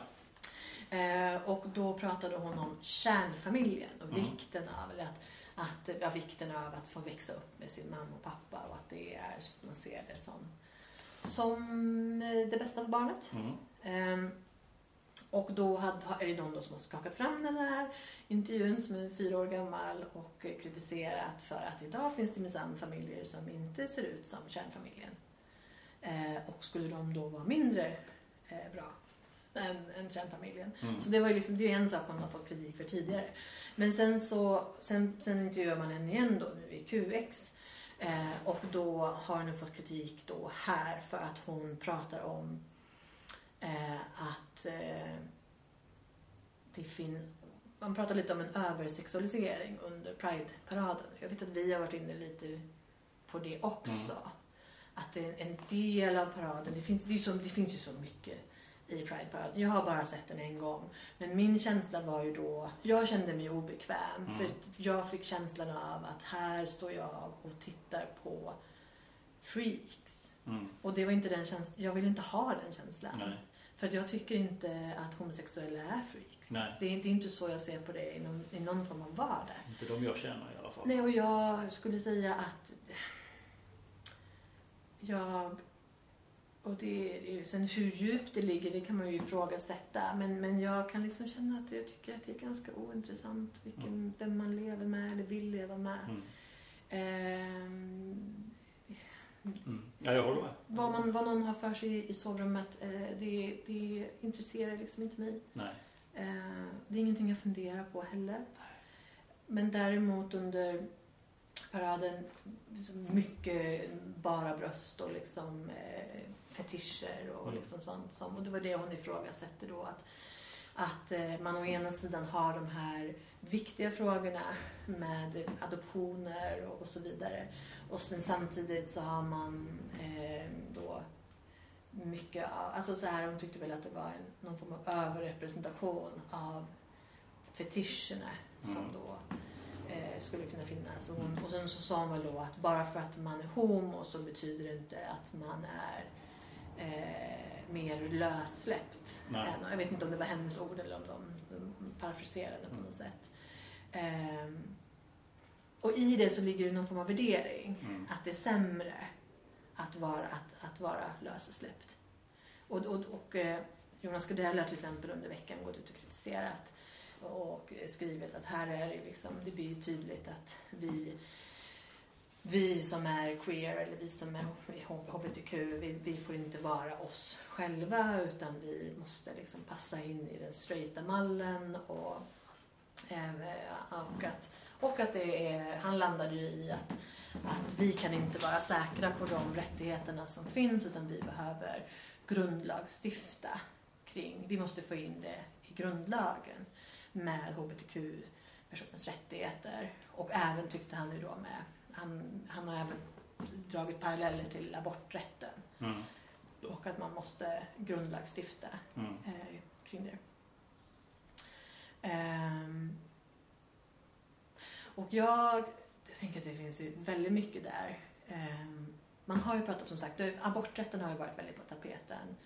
Eh, och när det gäller hbtq-frågor så skulle jag ju säga att jag upplever ju inte att det är så stort fokus på homosexualitet i Sverige i debatten. Utan det som har varit väldigt på agendan är ju mycket med transfrågor. Ja, det är ju det jag har sett också. Så. Ja, och någonting som jag tycker är intressant det är ju, och jag läste någon, någon artikel som just, som just skrev om det med att ha kroppslig autonomi. Mm. Alltså att man har det kroppsliga självbestämmandet och rätten att få bestämma över sin kropp. Mm. Eh, och eh, att, man då, att man då säger att, att eh, aborträtten är i fara och transpersoners eh, kroppsliga anatomi är i fara och att man, inte, man behöver ehm, eh, skydda ungas, unga transpersoners rätt till vård och rätt till autonomi. Eh, och jag skulle då säga att problemet både för den röda tråden mellan både rätten till abort, transvård, eh, men det är ju att för att få som du vill så måste någon annan göra ett ingrepp mm. på din kropp. Mm. Det gäller ju även när man, i debatten om, om eh, dödshjälp. Mm. Att eh, du kan inte bara, du har ett behov eller ett, ett begär, eh, en önskan. Eh, men du kan inte vara autonom. Du är inte autonom. Du är inte självgående. Mm. Utan du, du, du har ett behov som någon annan måste tillgodogöra sig. Mm. Och jag tänker mig ju att eh, och det är mycket, just speciellt nu den senaste tiden när man pratar om aborträtten så är det ju lite återkommande som många som då kom, ploppar upp att vi ska inte prata om det här för vi har en abortlagstiftning som vi är nöjda med. Mm. Vi ska inte hålla på och prata och riva upp det här. Det här är någonting som, som kvinnor, det rör kvinnor, det rör ingen annan. Eh, och vi är färdigdiskuterade. Mm. Och jag köper ju inte det där. Nej. Jag anser ju att man måste kunna samtala om allt. Mm. Man måste kunna ifrågasätta allt. Eh, och och ha ett, ett värdigt samtal. Mm. Och jag tror ju att, att, att även, även om man försöker grundlagstifta någonting, man får in det i grundlagen. Mm. Det är ju ingen garanti för att den kommer finnas kvar. Nej. Grundlagen är ju ett snäpp över vanlig lagstiftning. Mm. Men lagstiftning, eh, all lagstiftning utgår ju från opinion. Alltså hur ser ett samhälle ut? Mm. Och hur vill det samhället, alltså lagarna är ju någon form av att man har skrivit ner så som det samhället vill att, vill, alltså de reglerna som samhället vill ska gälla. Mm. Och om samhället förändras så kommer man också ändra lagstiftningen. Mm. Det som är skillnad mellan vanlig lag och grundlag det är att det krävs två mandatperioder för att genomföra en grundlag. Mm. Eller respektive att ta bort en grundlag. Mm. Eh, så det krävs egentligen ganska mycket mer att skapa den eller att ta bort den så att säga. Så att ja. den sitter ju mer fast om man den säger. Den sitter mer fast. Eh, Men i praktiken så kan du, om du har, om du har ett val mm. och du tar beslut i frågan ett par månader före och ett par månader efter så kan du ha fått igenom den på ett halvår.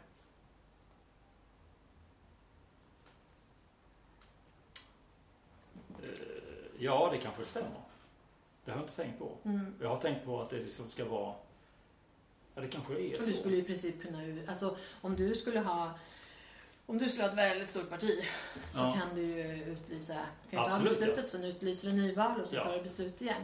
Jag ser inte det som att det är så, vi har inga garantier i det. Nej. Det man vill ha, eller det man efterfrågar när man säger vi vill grundlagsskifta, mm. det är ju att man vill ha en garanti. Mm. Det här kommer aldrig förändras. Ja, Men jag tror ju att garantin får man genom att bilda opinion. Mm. Att få med sig folket. Mm. Du måste ha folket bakom dig i frågan och det, och det får man genom att tala. Mm. Genom att samtala. Mm. Att när man pratar om, äh, om abort till exempel så måste man ju liksom, man måste förstå varför, varför tycker jag att det är viktigt. Mm. Man måste kunna prata om varför det är viktigt. Man mm. måste kunna liksom så här, okej, okay, du ser, du ser, eh, ja, men det är väl inte särskilt svårt att se eh, varför man skulle kunna vara emot abort. Mm. Men att man liksom säger så här, okej, okay, du ser de grejerna. Jag ser de här grejerna som jag ser som tyngre. Mm. I vilka situationer? Finns det situationer där du tycker att man kan göra avsteg? Mm. Var är vi överens? Var är vi inte överens? Mm. Men kunna ha ett värdigt samtal. Ja. Och det tycker jag måste kunna ske även i medier. Mm. Och man måste kunna göra det utan att vara rädd för att allting rivs upp. Mm. Vilket man ju är nu. Nu mm. är man ju, så fort någon vill tala om någonting som någon annan tycker att det här, det här vill vi inte ha någon förändring. Mm. Då, då ska det slås ner. Man mm. höjer rösten. Man använder, ja, du, man använder ja, tillmälen. Ja. Eh, det här har inte du med att göra. Du har en religiös bakgrund eller mm. du är fascist eller liksom här är det brunt. Och, mm. alltså det kommer väldigt mycket istället för att säga... Det är väldigt mycket sånt nu för tiden. Det är mycket tillmälen. Ja. Och jag önskar att man kan ha, och jag tror ju på det också. Jag tror att det effektiva är samtala. Mm. Och även när det gäller eh, HBTQ-frågor. Mm. Och här var vi ju inne på det, för det här, det här är ju vad kan det vara, två år sedan när vi pratade om, om eh, HBTQ och eh, ur ett litet intressant och kravperspektiv. Eh, för jag vill ju mena att, och framförallt kanske ställa frågan, så här, vad har HBTQ-personer gemensamt? För jag ser ju det som väldigt olika att det, det är grupper med väldigt, om man nu ska gruppera det så, Mm. men att det är grupper med väldigt olika, jag säger krav, du kanske säger behov. Mm. Eh, där väldigt många som är homosexuella, de, de är inte queer. De, Mm. de har inga önskemål att byta sexpartner ofta eller att, att, liksom, att det ska vara barbröst, barbröstat eller liksom... Nej, Eh, eh, alltså, och man behöver inte säga att det i sig är någonting dåligt då, att, Nej. att vara queer. Utan eh, bara säga att den här gruppen, så är det inte, det är inte deras behov. Mm. Utan deras behov är ju att inte diskrimineras, att inte utsättas för hot, att få ha samma rättigheter som alla andra. Precis. Eh, sen när det gäller transpersoner så har ju de helt andra behov. Mm. För de har ju behov av att kunna få då vård som ger dem det de önskar. Mm. Det, de, ja, det, det man önskar liksom Mm. i det. Och där har du ju där är det ju väldigt krasst att när man pratar om unga personer som då ska få, alltså unga personer, unga transpersoner som, som behöver vård, så är ju den vården som då, man då förespråkar, den är irreversibel. Och konsekvensen om man ångrar, ångrar sig Mm. är ju enorm. Mm. Det vill säga, och, och också som är en, en väldigt, väldigt krass del i, i det här ämnet, det är ju att eh, för vad man har sett är att om, om, som jag förstår det då, att för unga personer som, som funderar över eller som känner att de är i fel kropp, om man då inte agerar så visar det sig några år senare att personerna kommer ut som homosexuella. Mm. Och där är det ju en ganska, det är en ganska brysk kontra, eh, Mm, kontrast mm. att säga att, att, det, att om personen då ska gå igenom ett könsbyte Mm. men det det egentligen handlade om var att man behövde acceptera, omgivningen och en själv behövde acceptera sig, sig som homosexuell. Och den, man måste ju kunna, det är ju också någonting som man måste kunna prata om. Mm. Eh, och säga att, att när vi har unga personer som, som för det första har psykisk ohälsa, hur ska vi möta dem? Hur Mm. ger vi dem säker vård? Mm. Vilken vård är det de ska ha? Och där, där är man ju inte i mål Nej. idag. Jag tänker väl också att alla kanske inte vet vilka behov som de, de har egentligen kanske. Jag tänker utifrån från unga människor. Eh, om vi nu säger att de, det verkligen skulle vara på det sättet att de vill byta kön, alltså på riktigt. Mm. Jag tänker det kanske är bättre att vänta några år med en sån operation än att köra igång med allting med en gång. För att sen upptäcka att det var fel. Eh, Så hur vet man sådana saker? Jag vet inte om de har me- metoder för det inom, inom sjukvården att ta reda på innan så att man inte skadar mer än nödvändigt. Nej men det finns ju sådana utredningar. Ja, Men, men där är det ju en sån... Där har man i många år haft idén om att man har ett bejakande bemötande, eller bemötande. Så Mm. att om en person kommer och säger och, ehm, att jag, eh, jag har fötts i fel kön. mm, Så, så är det det rekommenderade bemötandet att man säger okej, då, då ska vi behandla dig utifrån, utifrån det. mm, Snarare än kanske att man sätter i en, terapi, en, en undersökande terapi där man får fundera över vad är det du känner? Mm. Vad är det som gör att du har kommit fram till det här? mm, Och här pratar man ju också om, och jag läste en, en eh, debattartikel eh, i Expressen av RFSLs förbundsordförande, nu måste jag kolla min, min anteckning vad, mm. vad hon heter. Eh, Trifa Shakely. En gång till. Trifa Shakely. Okej. Mm. Ehm, och hon pratar ibland, de, hon nämner bland annat att, för hon, hon, hon tog upp i den här debattartikeln varför Sverigedemokraterna inte bjuds in till partiledardebatten. Mm, Och hon, i den här så nämner hon då bland annat att eh, de säger att Sverigedemokraterna är, är emot eh, HBTQ eh, frågor eller motverkar det, som man, det arbete som man gör för att främja HBTQ-personer. Eh, och sen tar han också upp i den här texten att man vill eh, att man verkar då för ett förbud mot omvändelseterapi. Mm. Och det här är någonting som, det här är en fråga som har blivit aktuellt i ganska många länder, att man vill förbjuda omvändelseterapi. Eh, och jag är inte säker på att jag förstår vad det är, vad man menar ens med omvändelseterapi. För jag tänker att för homosexuella så fanns det en person, eller en tid, där Ja. man verkligen behandlade med elstötar.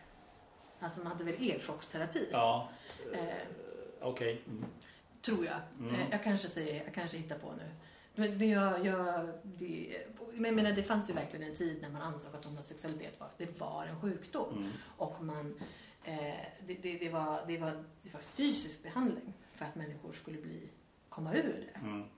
Ehm, och den typen är vi ju väldigt glada för att vi inte, det har vi ju inte idag. Så där kan jag känna att om det är det man pratar om så finns det kanske inte ett behov av lagstiftning för att det inte ska ske, för Mm. det sker inte. Men om man pratar om, om terapi som i form av samtal med en psykolog, Mm. vad är det de inte får säga då?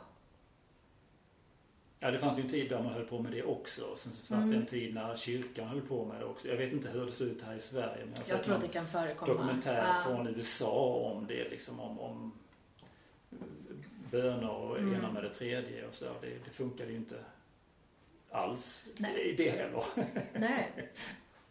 Nej, så att... Eh, eh, Men däremot, alltså jag kan tänka mig att om man, om man sätter in en lagstiftning så kan det bli eh, så kan det bli en gråzon där man inte riktigt... Vad, Mm. vad, är, det som är, vad är det då som är tillåtet? Mm. Är det tillåtet liksom att eh, be för att personen ska finna sitt rätta jag? Eller alltså var någonstans... Var, Mm. var, får man, var, får man, var får man dra gränserna? Jag vet inte. Eh, Nej, inte och jag kan ju också se problematiken just i att om du har en person där, alltså, som, som, där problem, problemet är helt fel ord, Mm, mm. men där osäkerheten ligger i att man inte har blivit bekväm med sin homosexualitet Mm. och att man behöver tid för att omfamna det. Mm. Men man, man Ja, det är väl det som är problemet, att man inte är bekväm med det än så länge. Då. ja, och omgivningen kanske inte Precis. heller är bekväm med det. Att man inte, eller att man är rädd att de inte kommer vara det. ja precis. Eh, men, blir, och, men om man då tänker sig att, eller man identifierar att problemet är inte att jag är homosexuell utan problemet är att jag är i fel kropp, jag borde byta kön. Mm. Eh, och det kan ju naturligtvis vara även att man känner sig mer, jag upplever mig som mer feminin än, än, än de andra männen som finns runt omkring eller Mm. tvärtom. Eh, och att man gör det.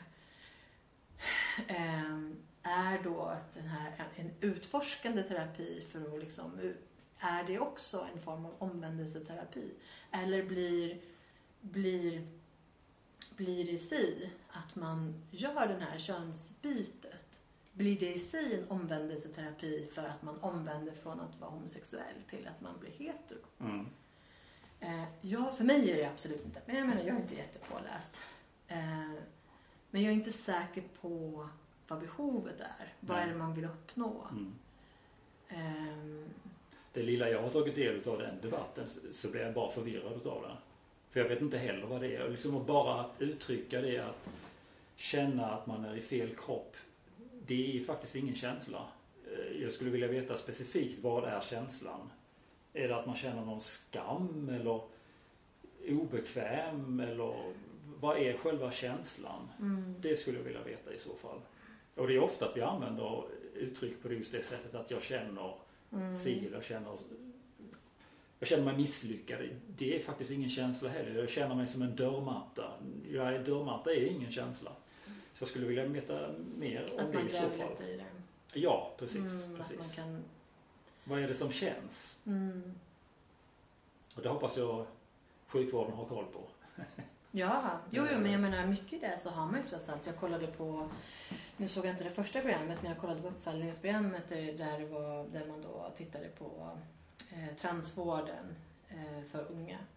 Och eh, gjorde en uppföljning. Och då, då var det ett specifikt case man tittade på där det var en, då, en ung flicka som, som då ville byta till, eller ja, som då upplevde sig som pojke Mm. och där eh, man satte in stopphormoner. Mm. Eh, Men efter ett par år på stopphormoner så började hon få, då, eller han, vad man ska säga, så började den här personen att få problem med ryggen och började få smärtor och, och att då och det man då har, har sett exempel på är ju då att man får eh, ett uppluckrat eh, skelett. Mm. Ja. Så att du får, eh, du får då unga människor som har skelettsköra som 90-åringar. ja, precis. Ehm, och, och, eh, jag läser bland annat då i då Kajsa Ekes Ekman, eller Ekes Ekmans bok där de skriver just om, om de här stopphormonerna och, och hur man har använt, hur man har använt dem utan att de egentligen är utprövade för det här ändamålet. Mm. Utan det är medicin som man har, som kanske heller inte är framtagen specifikt för det ändamålet men som har använts för eh, att bromsa då barn som kommit in i tonåren eller puberteten väldigt tidigt. Mm. Eh, och där man, där man sätter in, alltså det är, det är en sjukdomstillstånd där man kommer in i puberteten oerhört tidigt. Inte, det kanske snarare är 5-6 års ålder. Jaha, oj. Så väldigt tidigt. Ja. Eh, men att man då har sett ett användningsområde. För att, för att, som man då säger, att man ger, man ger den här personen som, har, som känner sig osäker så ger man dem en, en andningspaus, Mm. en tid att tänka. Mm. Men det man har sett i praktiken är att man, man använder de här under en, en längre tid man, och då riskerar att få ett visst antal biverkningar. Men också att det som händer när man, när man börjar med de här är att man, att personen bestämmer sig. För att då har man ju snar, att det snarare blir, alltså effekten av det blir att man, att man, har, att man har börjat sin resa Mm. till att bli en, en transperson. Mm.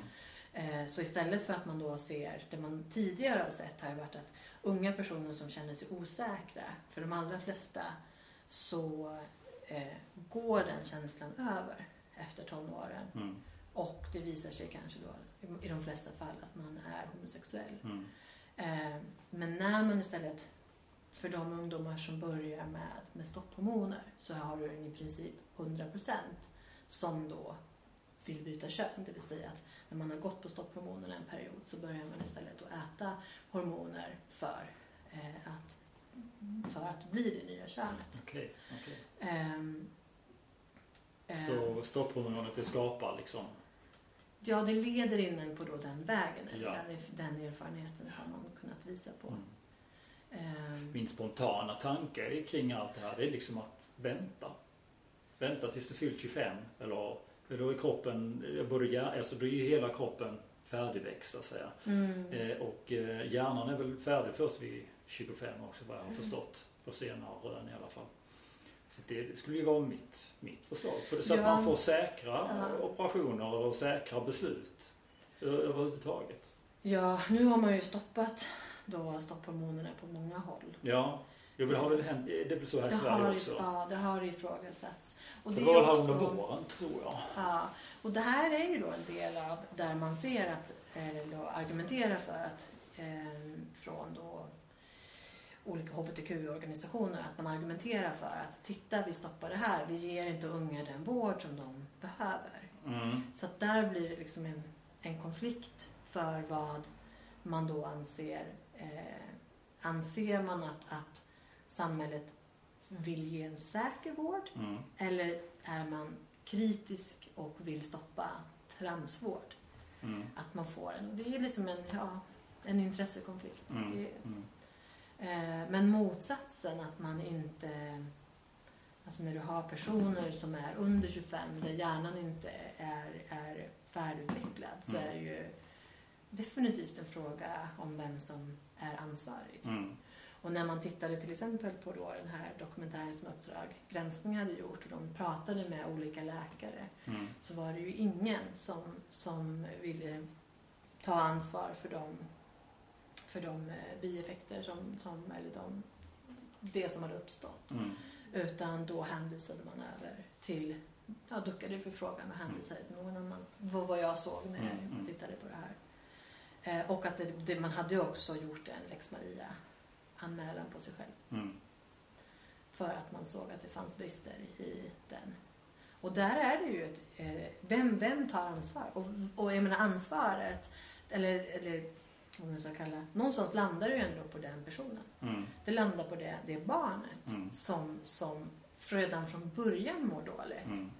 Och där man kanske då man får men, för det första kanske då får, får eh, verk och, och eh, att du blir, ja, du, du får en, en, en fel, alltså problem med din, med din fortsatta utveckling Mm.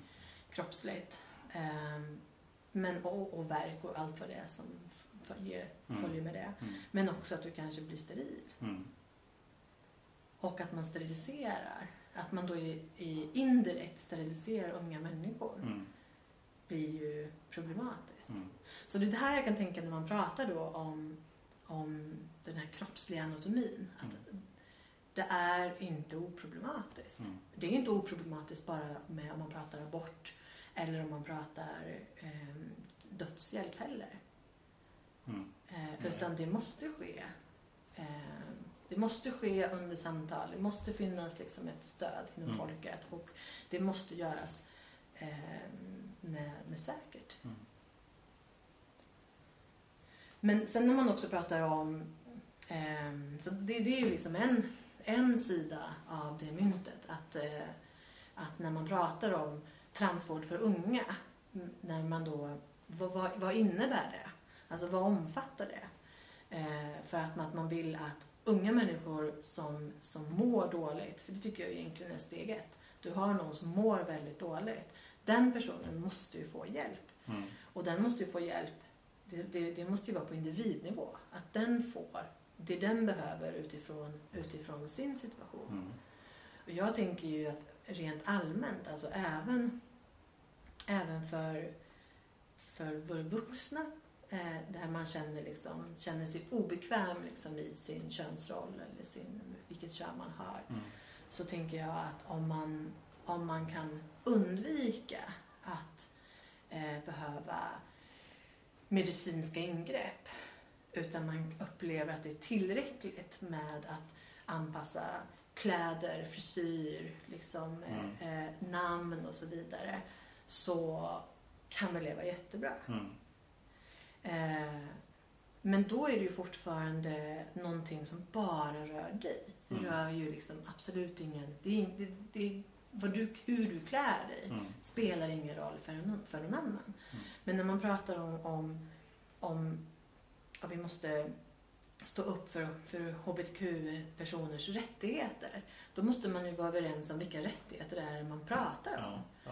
Eh, och vad är, det, det, vad är det det innebär. Mm. Om ni läser till exempel den här då, intervjun som de gjorde med Ebba Busch Mm. så pratar de ju, och då, då tog de upp eh, tre exempel på, på, på rättigheter. Bland annat vilka blodgivningsregler som ska gälla. Eh, Mm. och det här har ju att göra med att, att homosexuella män har haft eh, krav på, dels så tror jag att det, dels tror jag att under lång tid, jag är inte säker på hur det är nu, men jag, jag under väldigt lång tid så var homosexuella män inte tillåtna att lämna blod. Okej. För att eh, risken för HIV är så pass mycket större. Mm. Jag tror att den är 25 gånger större. Jag ska inte svära på den siffran. Okej. Men att det är 25 gånger eh, större risk för att man, har, att man bär på HIV Mm. om man är homosexuell man.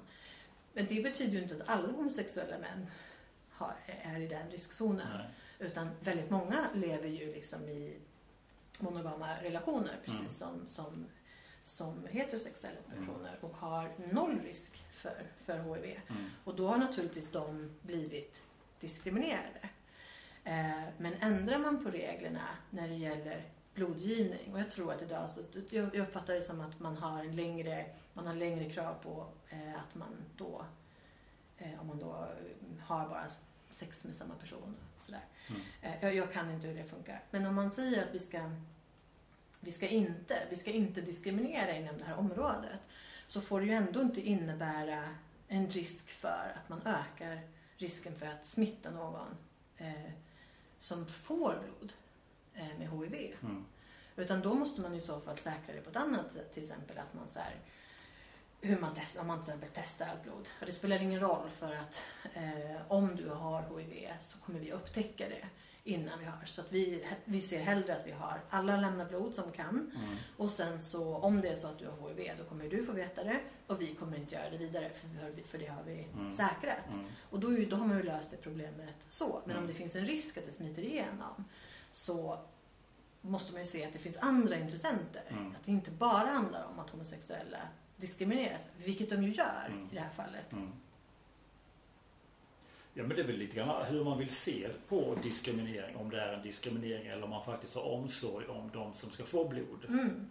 Eh, Ja, men och det kan ju- är det är ju två, det, det är ju två vinklingar utav Ja. det. Så, Jo, så det- jag, det- jag, jag ja. tänker nog...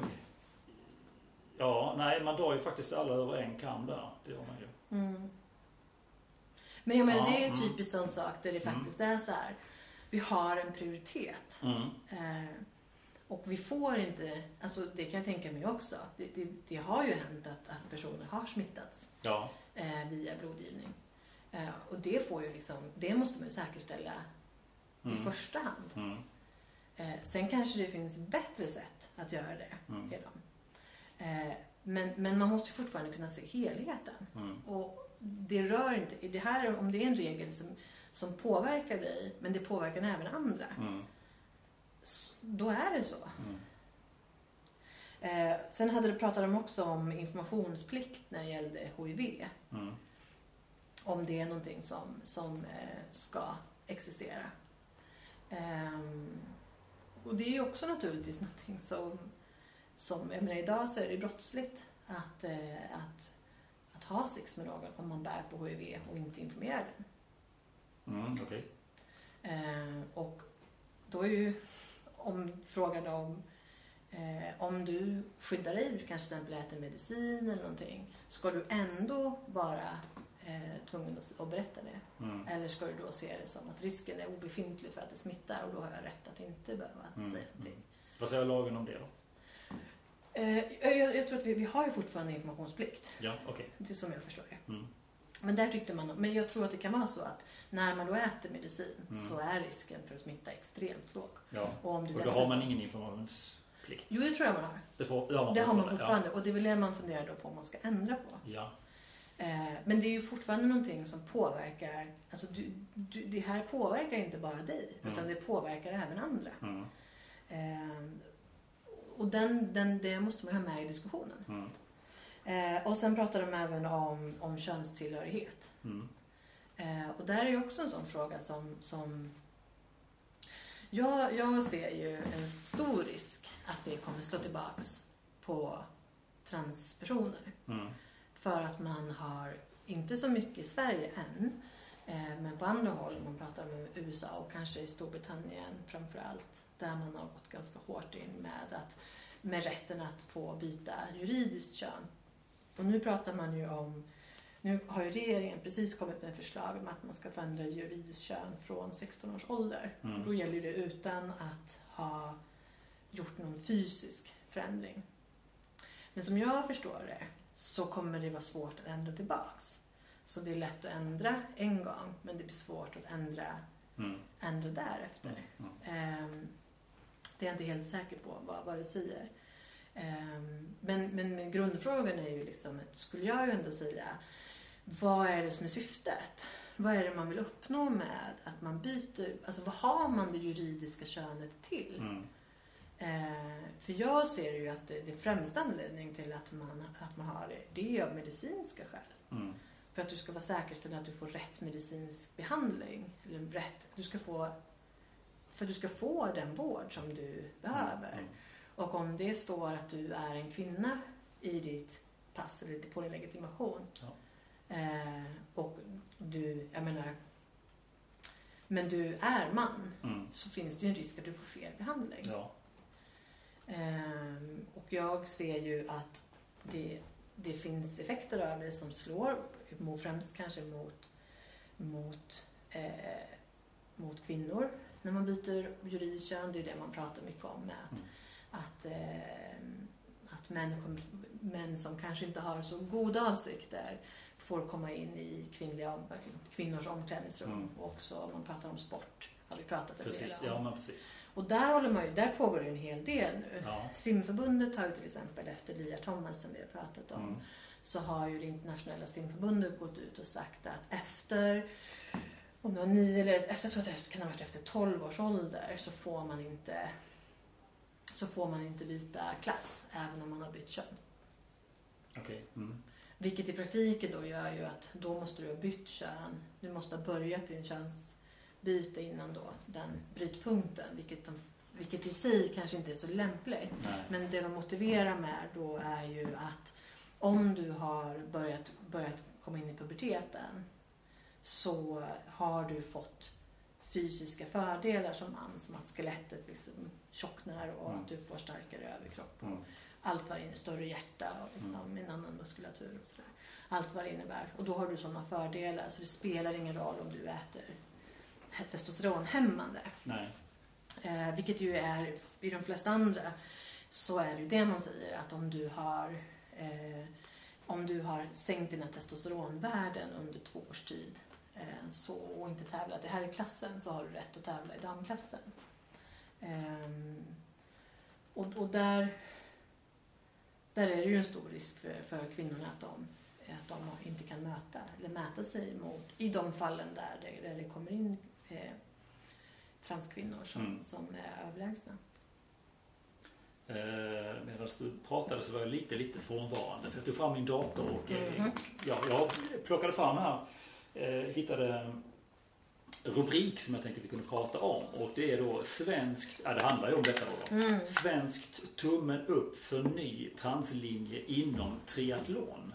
Just det, det kom alldeles nyligen. Det kom alldeles nyligen, ja, precis. Sveriges triathlonförbund gör tummen upp för den linje som det internationella triathlonförbundet har enats kring gällande transpersoner. Det är ett regelverk som möjliggör transpersoner att, för transpersoner att tävla i kvinnoklasser till skillnad från internationella simförbundet som valt en striktare linje. Men varken Sveriges styrelseordförande Henrik Nöbelin eller internationella triathlonförbundet utesluter att eh, reglerna behöver korrigeras. Eh, bakgrund. 15 av 17 ledamöter röstade för beslutet som träder i kraft den 2 september. Beskedet innebär att transpersoner som vill tävla med kvinnor måste visa att testosteronkoncentrationen i idrottsutövarens serum kontinuerligt har varit mindre än 2,5 nanomol per liter under en period på minst 24 månader. Dessutom måste fyra år ha gått sedan en tävling i herr eller pojkklass inom någon idrott. Så här har man då gjort eh, lite olika bedömningar och då ser jag som inte är så in, insatt, eller gör det här fattar jag väl i och för sig, just att testosteronkoncentrationen har man då eh, lagt till en viss nivå. Sådär. Mm. Men här, här är ju samma eh, skillnad eller likhet med simförbundet. Eller som du pratade om innan just att män har ändå mer muskelmassa fortfarande. För den försvinner väl inte Det är ju så. inte bara testosteronhalten som Nej, skiljer mellan män och nej precis. precis. Vi, det blir väl kanske en liten uh, följetong med just triathlonförbundet här. Alltså det jag, det jag skulle säga så här, jag tror ju ändå att eh, jag tror att den stora risken är inte att, att eh, kvinnor kommer bli lidande på sikt. Nej. Utan jag tror att den stora risken är att transpersoner kommer att bli mindre accepterade i samhället. För att man ser det som att då eh, och jag, jag tror att det här kommer det här tror jag kommer slå mer mot då transkvinnor än transmän. För jag tror att transmän kan liksom gå, de går lite mer under radarn. Mm. Eh, och, och det är ju lite krasst om man... Eh, Louisanne som, som, eh, som invigde eh, Pride här i år. Eh, det här är ju då en handbollsspelare eh, som tidigare hette Louise Sam, Mm. tror jag. Okej. Eh, och som då har, har eh, bytt kön för att bli man. Eh, och man pratar ju ofta när det gäller, gäller trans pratar man om att man passerar som det nya könet. Och där skulle jag ju säga att man skulle inte, skulle jag springa på på stan så skulle jag inte höja ögonbrynen. Nej. Eh, och det kan jag tänka mig också att, ja, är man, spelar man handboll så är man ju, de flesta som spelar handboll är ganska långa, Mm. liksom, lite, lite kralligare redan från början så Mm. att man har väl kanske liksom lite förutsättningar. För problemet för en, en man som byter för att bli kvinna är ju när de är kanske lite långa, lite grova i, i, i sin kroppsform. Eh, kanske väldigt smala höfter och väldigt stora händer. Mm. Det blir ju svårare, alltså man sticker ut mer. Det här kan jag ju säga bara från att själv att vara kvinna som är liksom, jag är ju inte jättelång, men jag är ju större liksom än medlet. Mm. Och då sticker man ut lite mer. Alltså man Mm. känner, det, det är lätt att känna sig mindre kvinnlig när man är större Mm. eller längre.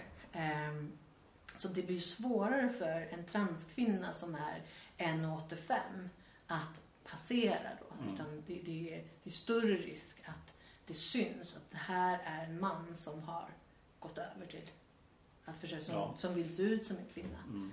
Eh, svårare att passera.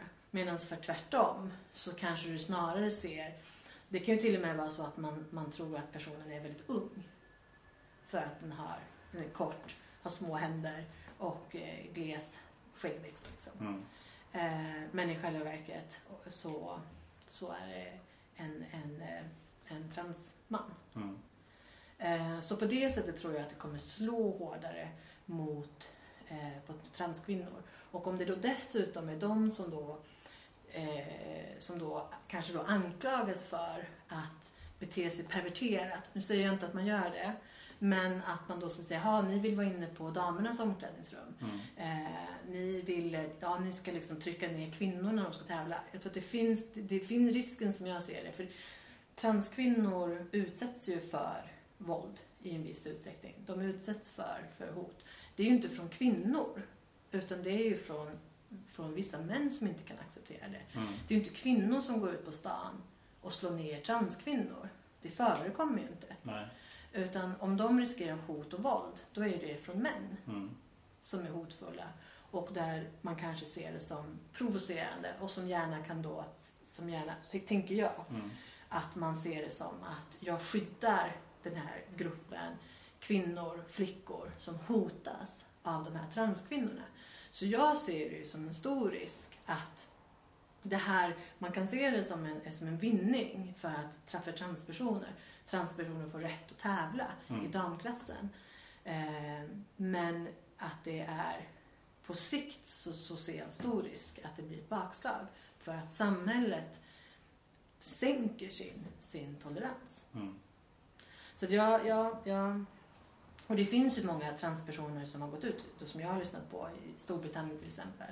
Och en person som är en känd person som just, just när det gäller idrott som har gått ut och sagt att detta är inte rätt. Mm. Eh, transkvinnor ska inte tävla.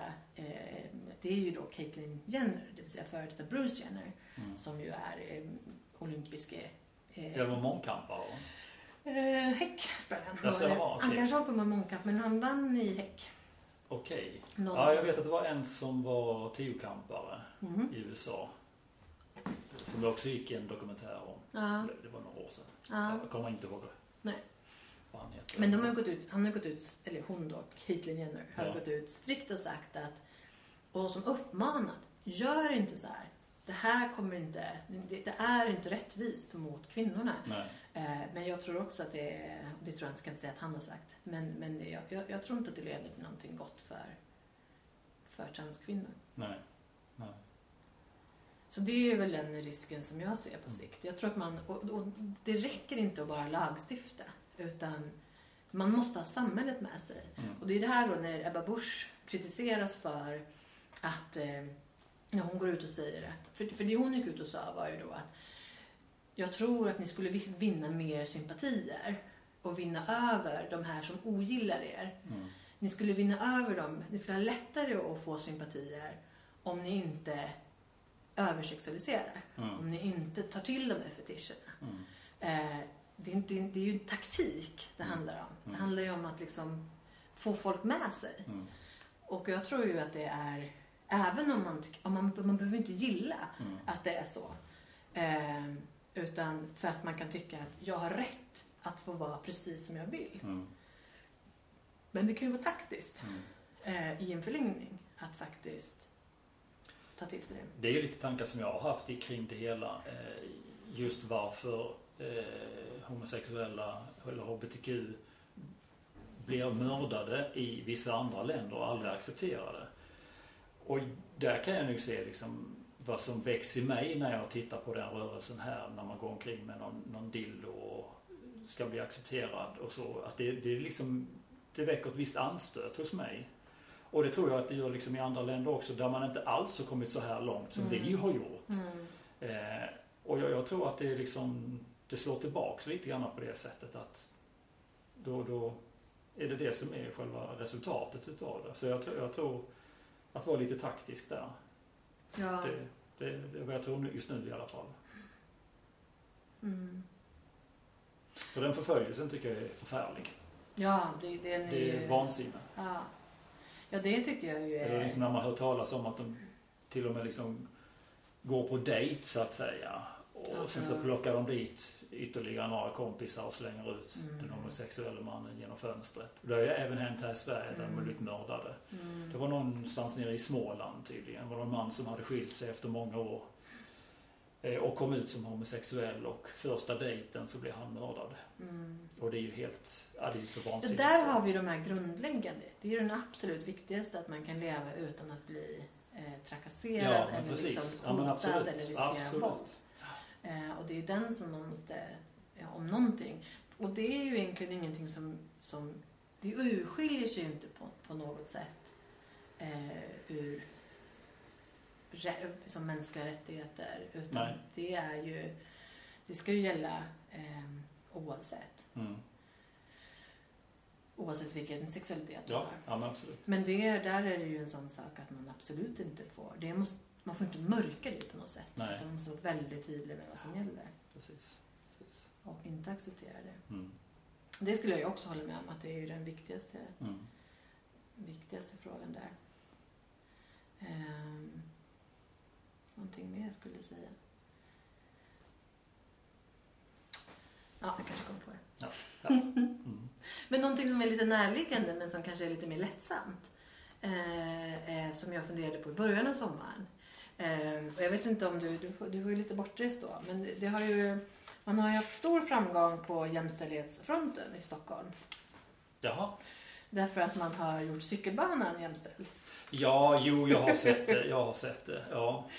Eh, och och det, det, det, finns ju liksom, man kan ju skratta lite åt det och sen så kan man ju, eh, så kan man ju, ju sucka lite för att man lägger pengar på det och också för att det är så uppenbart för, för samtliga att det, det gör ingen skillnad överhuvudtaget. Nej. Eh, jag suckade kan jag säga. Ja. Mm. ja, och om man tycker så här, dels vad det faktiskt kostar att genomföra. Och det behöver kanske inte vara så otroligt mycket att man är så här, ja men vi behöver rita lite nya märken och då, då väljer vi, här har man bara liksom, man kanske inte behöver göra om så mycket när man då bränner den här utan ramen mm. på styret. Men det, det som kanske är mer deppigt är att det här har liksom säkert manglats och dragits och eh, tagit upp tid för politiker. Och ja, det, vad är kostnaden tänker jag. Ja, och vad, vad, vad pratade man inte om? Mm. man kanske borde ha lagt liksom, tiden på istället. För att alltid så är ju saker och ting som, som står tillbaks. Eller var det där liksom någonting som man säger, ah by the way, ska vi inte bara göra det här? Jo, det gör vi. Det, och det var två minuter. Det är en symbolisk liksom, handling. Mm. Eh, och sen så här, det, det, var, det, var, det var egentligen noll kronor. Liksom. Mm. Eh, jag tror ju, inte, jag tror ju att det, det brukar vara dyrare än så. Ja, jag tror också det. Mm. Men min fundering som då väcktes i det, det är ju klänningen.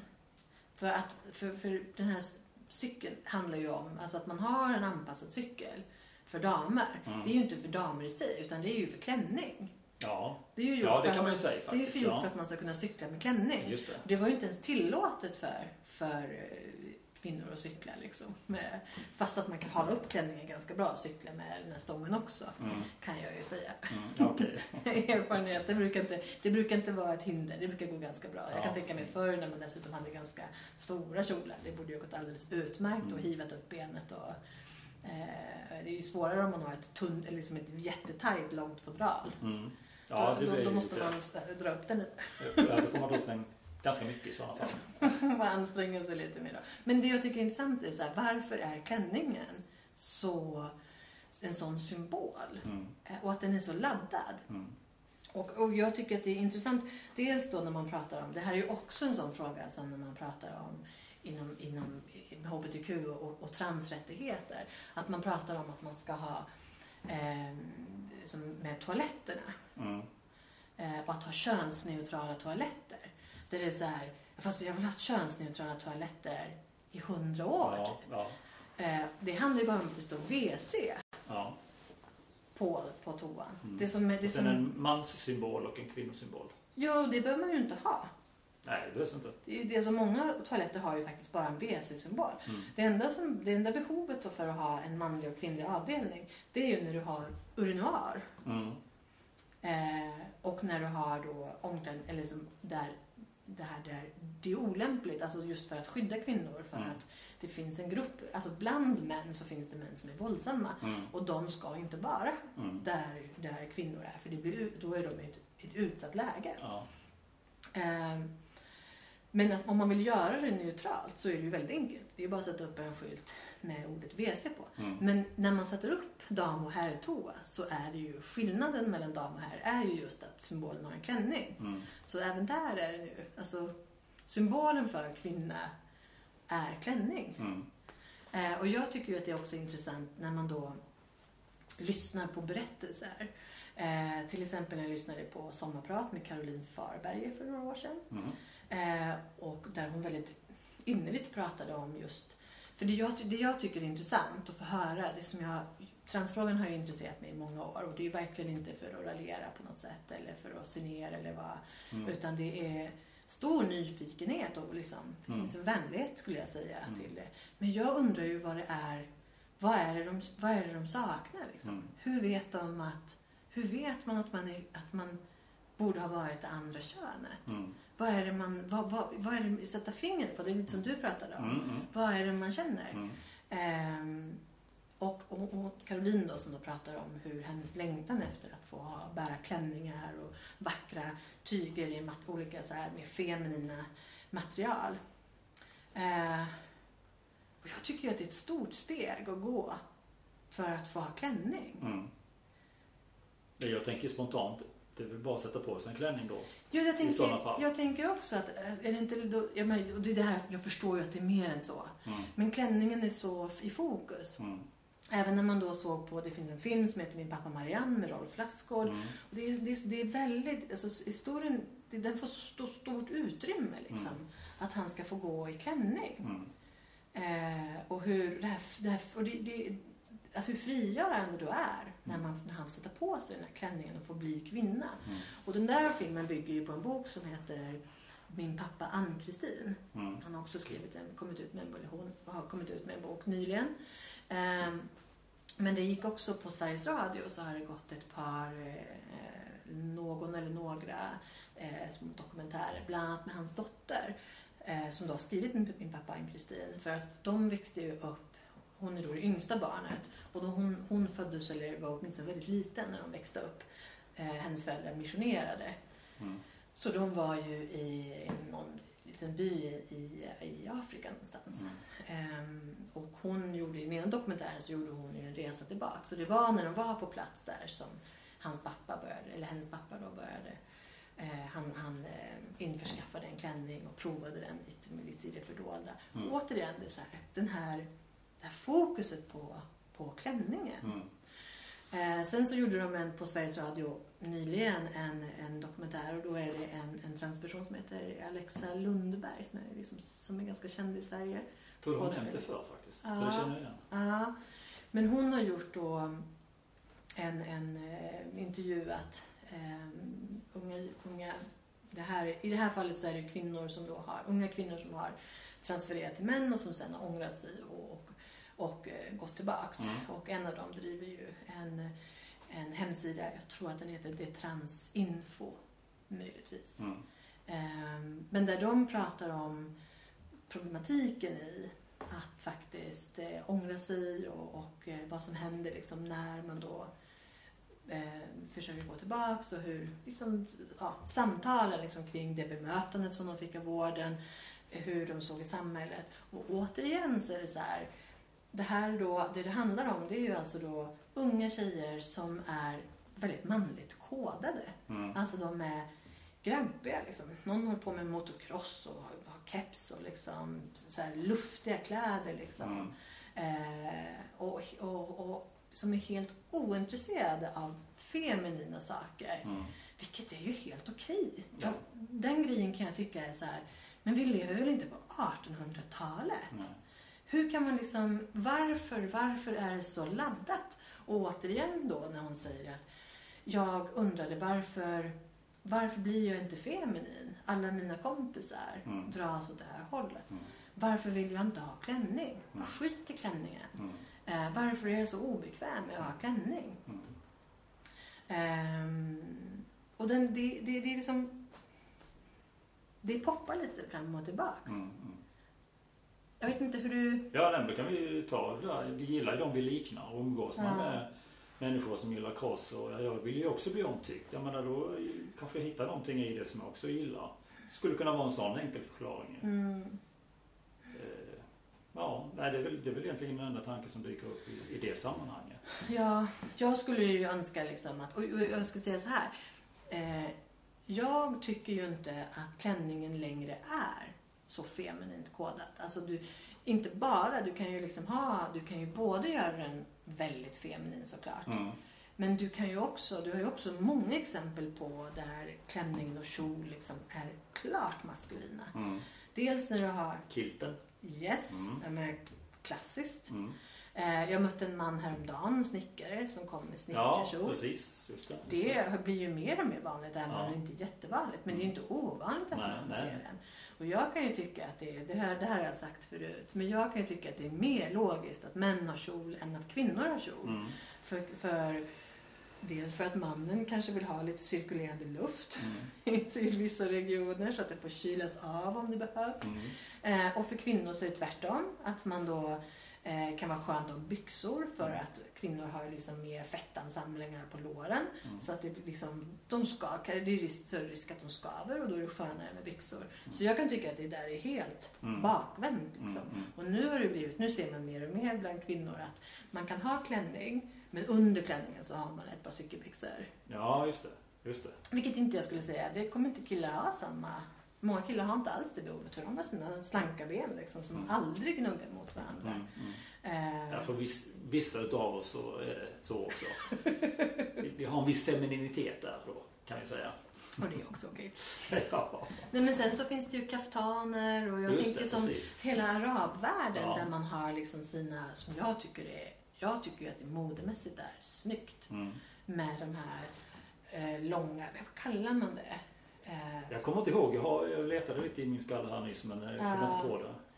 Eh, men de långa fotsida och det finns ju också beroende på vilka områden så finns det ju ganska olika stilar på det också. Mm. Med, eh, med eh, liksom långa med lite kortare byxor eller byxor under. Mm. olika. Jag tycker ju som sagt, när jag, när jag under mina resor fram och tillbaka till Australien så bytte jag ju ofta flyg. ehm, på, i Dubai eller liknande och då var det ju många från Mellanöstern där och man Mm. såg liksom. Och som sagt, jag tycker ju att man ser välklädd ut. Mm. Som, även som, absolut som man. Mm. När man kommer i sin snygga liksom, klänningsdräkt.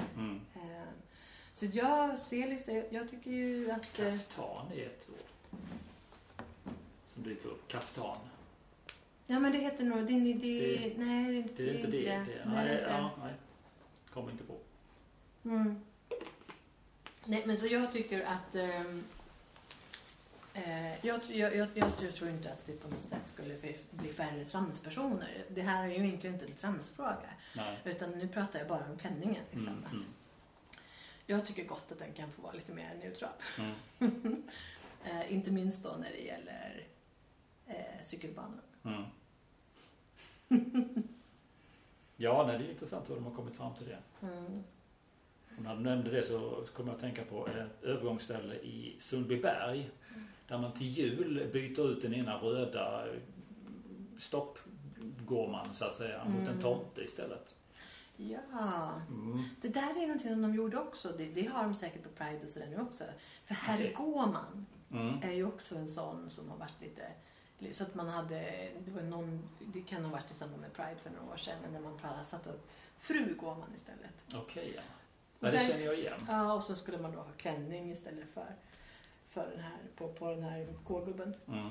Och där kan jag känna återigen att herr Gåman, det är ju liksom, det är ju en, en sorts, vad ska man säga, det är en ordlek. Mm. För att det är här går man. Ja. Man, kan, alltså, man kan inte säga fru går. Nej, För det betyder ingenting. nej. Utan det är, det är en ordlek. Mm. Det är inte en herre som går. Nej, utan det Det är är här. här går man. Precis. Eh, På en och då- geografisk plats liksom. Ja, det är zebrafältet Mm. Som markerar. Liksom. Och sen blir ordleken med här går man. Mm. Vad heter hon som sjöng den där låten Snälla, snälla, snälla? Mm. Ehm. Heter hon också Caroline av Ugglas? Ja, men så är det va? Ja. Ja. Hon hade i alla fall har, eh, en tatuering på Här snubblar man. Så hon har eh, gjort en gubben som, som snubblar helt enkelt. Ja. Det tycker jag, det tycker jag var lite roligt. Ja. ja. Mm. Det här tycker jag ju är i alla fall en... en eh, ah, man kan, jag tycker att just när det gäller att man eh, gör en annan symbol för, för liksom lite kul när man har eh, en viss... Eh, så här, nu har vi en speciell vecka, nu gör vi en Mm. annan Mm. symbol. Liksom. Det, det är ju bara en... Jag tänker, det är väl också en sån sak som inte kostar särskilt mycket. Eh, jag, ser ingen, jag ser liksom inga fördelar med det heller. Eh, men jag har, jag har egentligen inga... Så här. Nej. Men, men jag, jag är inte jätteförtjust i när man, när, man, när man lägger stor vikt på någonting som inte har någon praktisk betydelse. Nej. Utan, utan prata om de liksom, väsentliga frågorna istället. Och sen Mm. att man pratar med, som vi säger innan, att man pratar med, med vänlighet. Liksom. Mm. Att man vill väl i Mm. diskussionen. Att man inte är ute efter att... Och nyfikenhet. Ja. Kanske påpeka det också. Ibland så tror jag inte riktigt att det framgår. Så då måste man vara lite tydlig med den saken också. Mm, att man är nyfiken. Ja, precis. Mm. Men jag tror ju att det är just, just den här, och den tycker jag man ser väldigt mycket nu. Eh, att att eh, om du inte har upplevt det här så har du inte rätt att uttala dig. Mm. Det var ju samma sak vi pratade om förut med, med just med abortfrågan. Jag anser ju att alla har rätt att prata om allt Mm.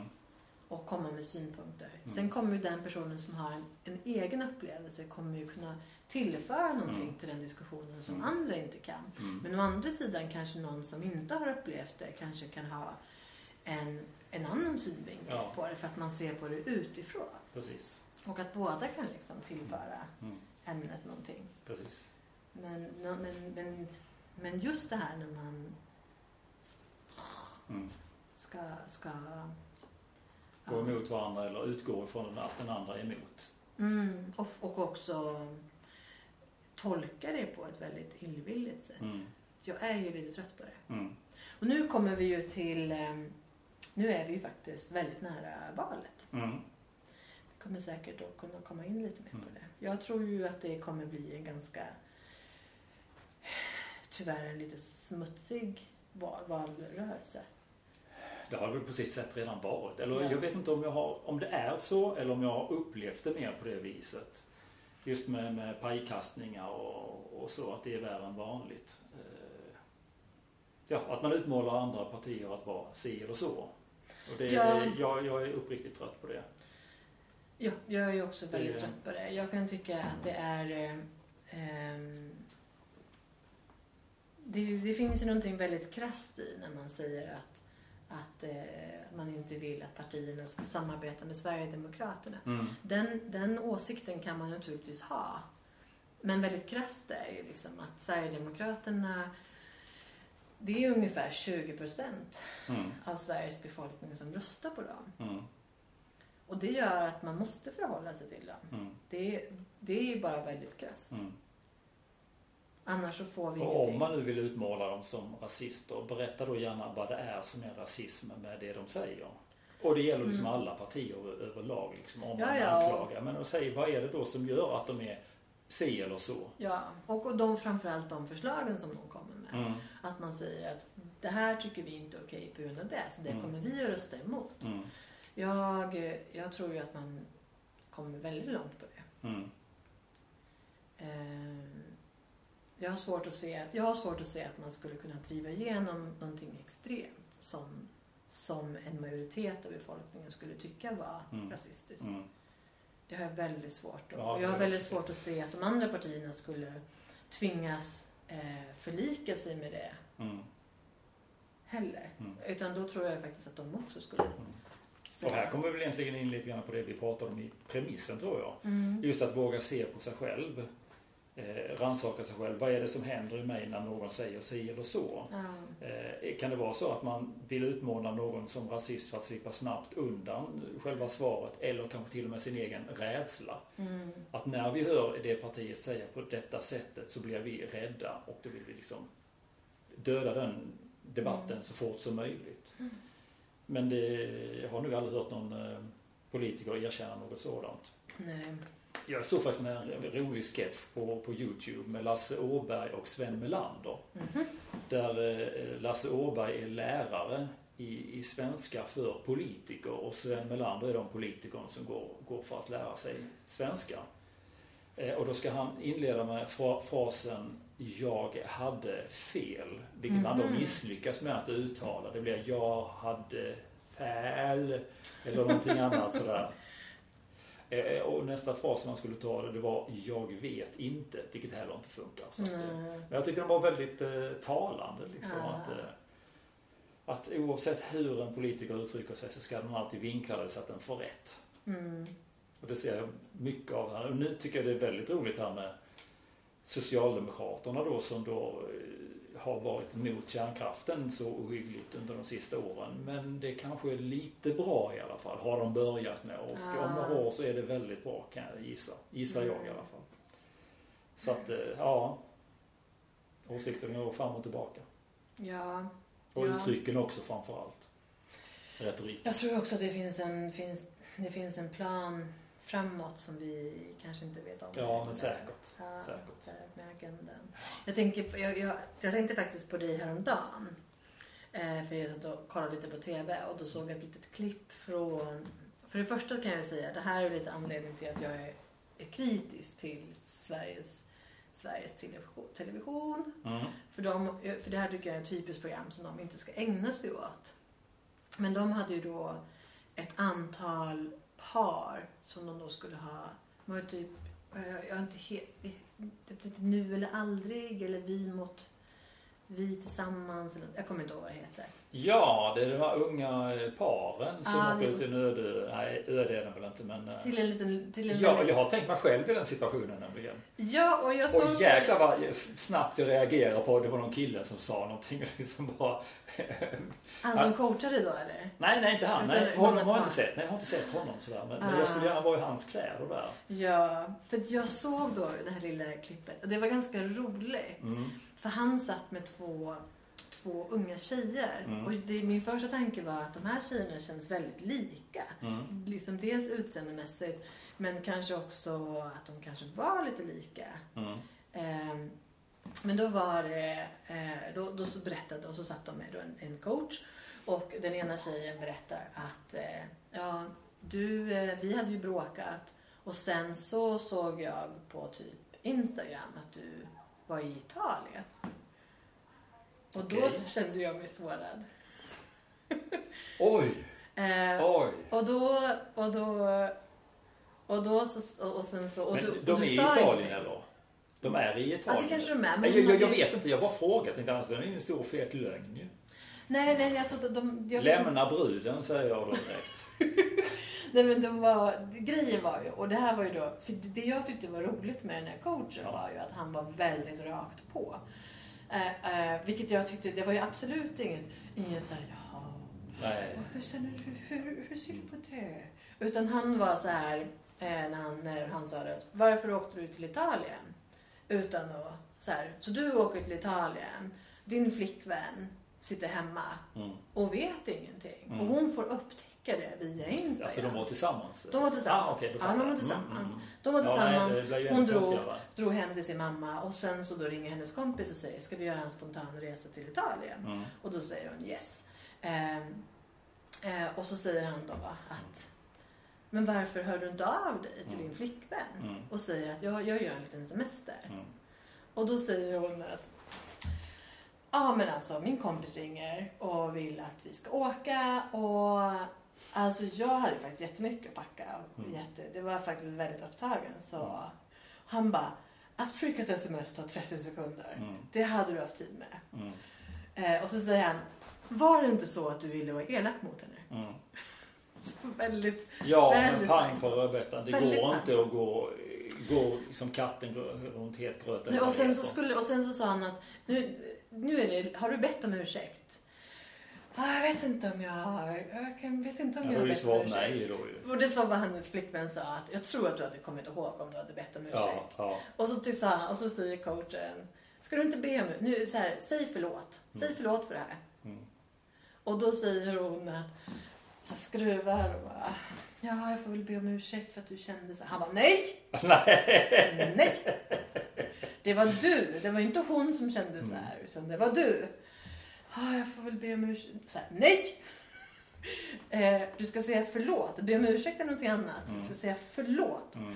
Och han, alltså det var, hon fick göra, apropå de här politikerna, Ja, men ja. hon fick göra många försök Ja. innan, hon, eh, innan hon kom fram till att förlåt för att jag var elak mot Mm. dig. Mm.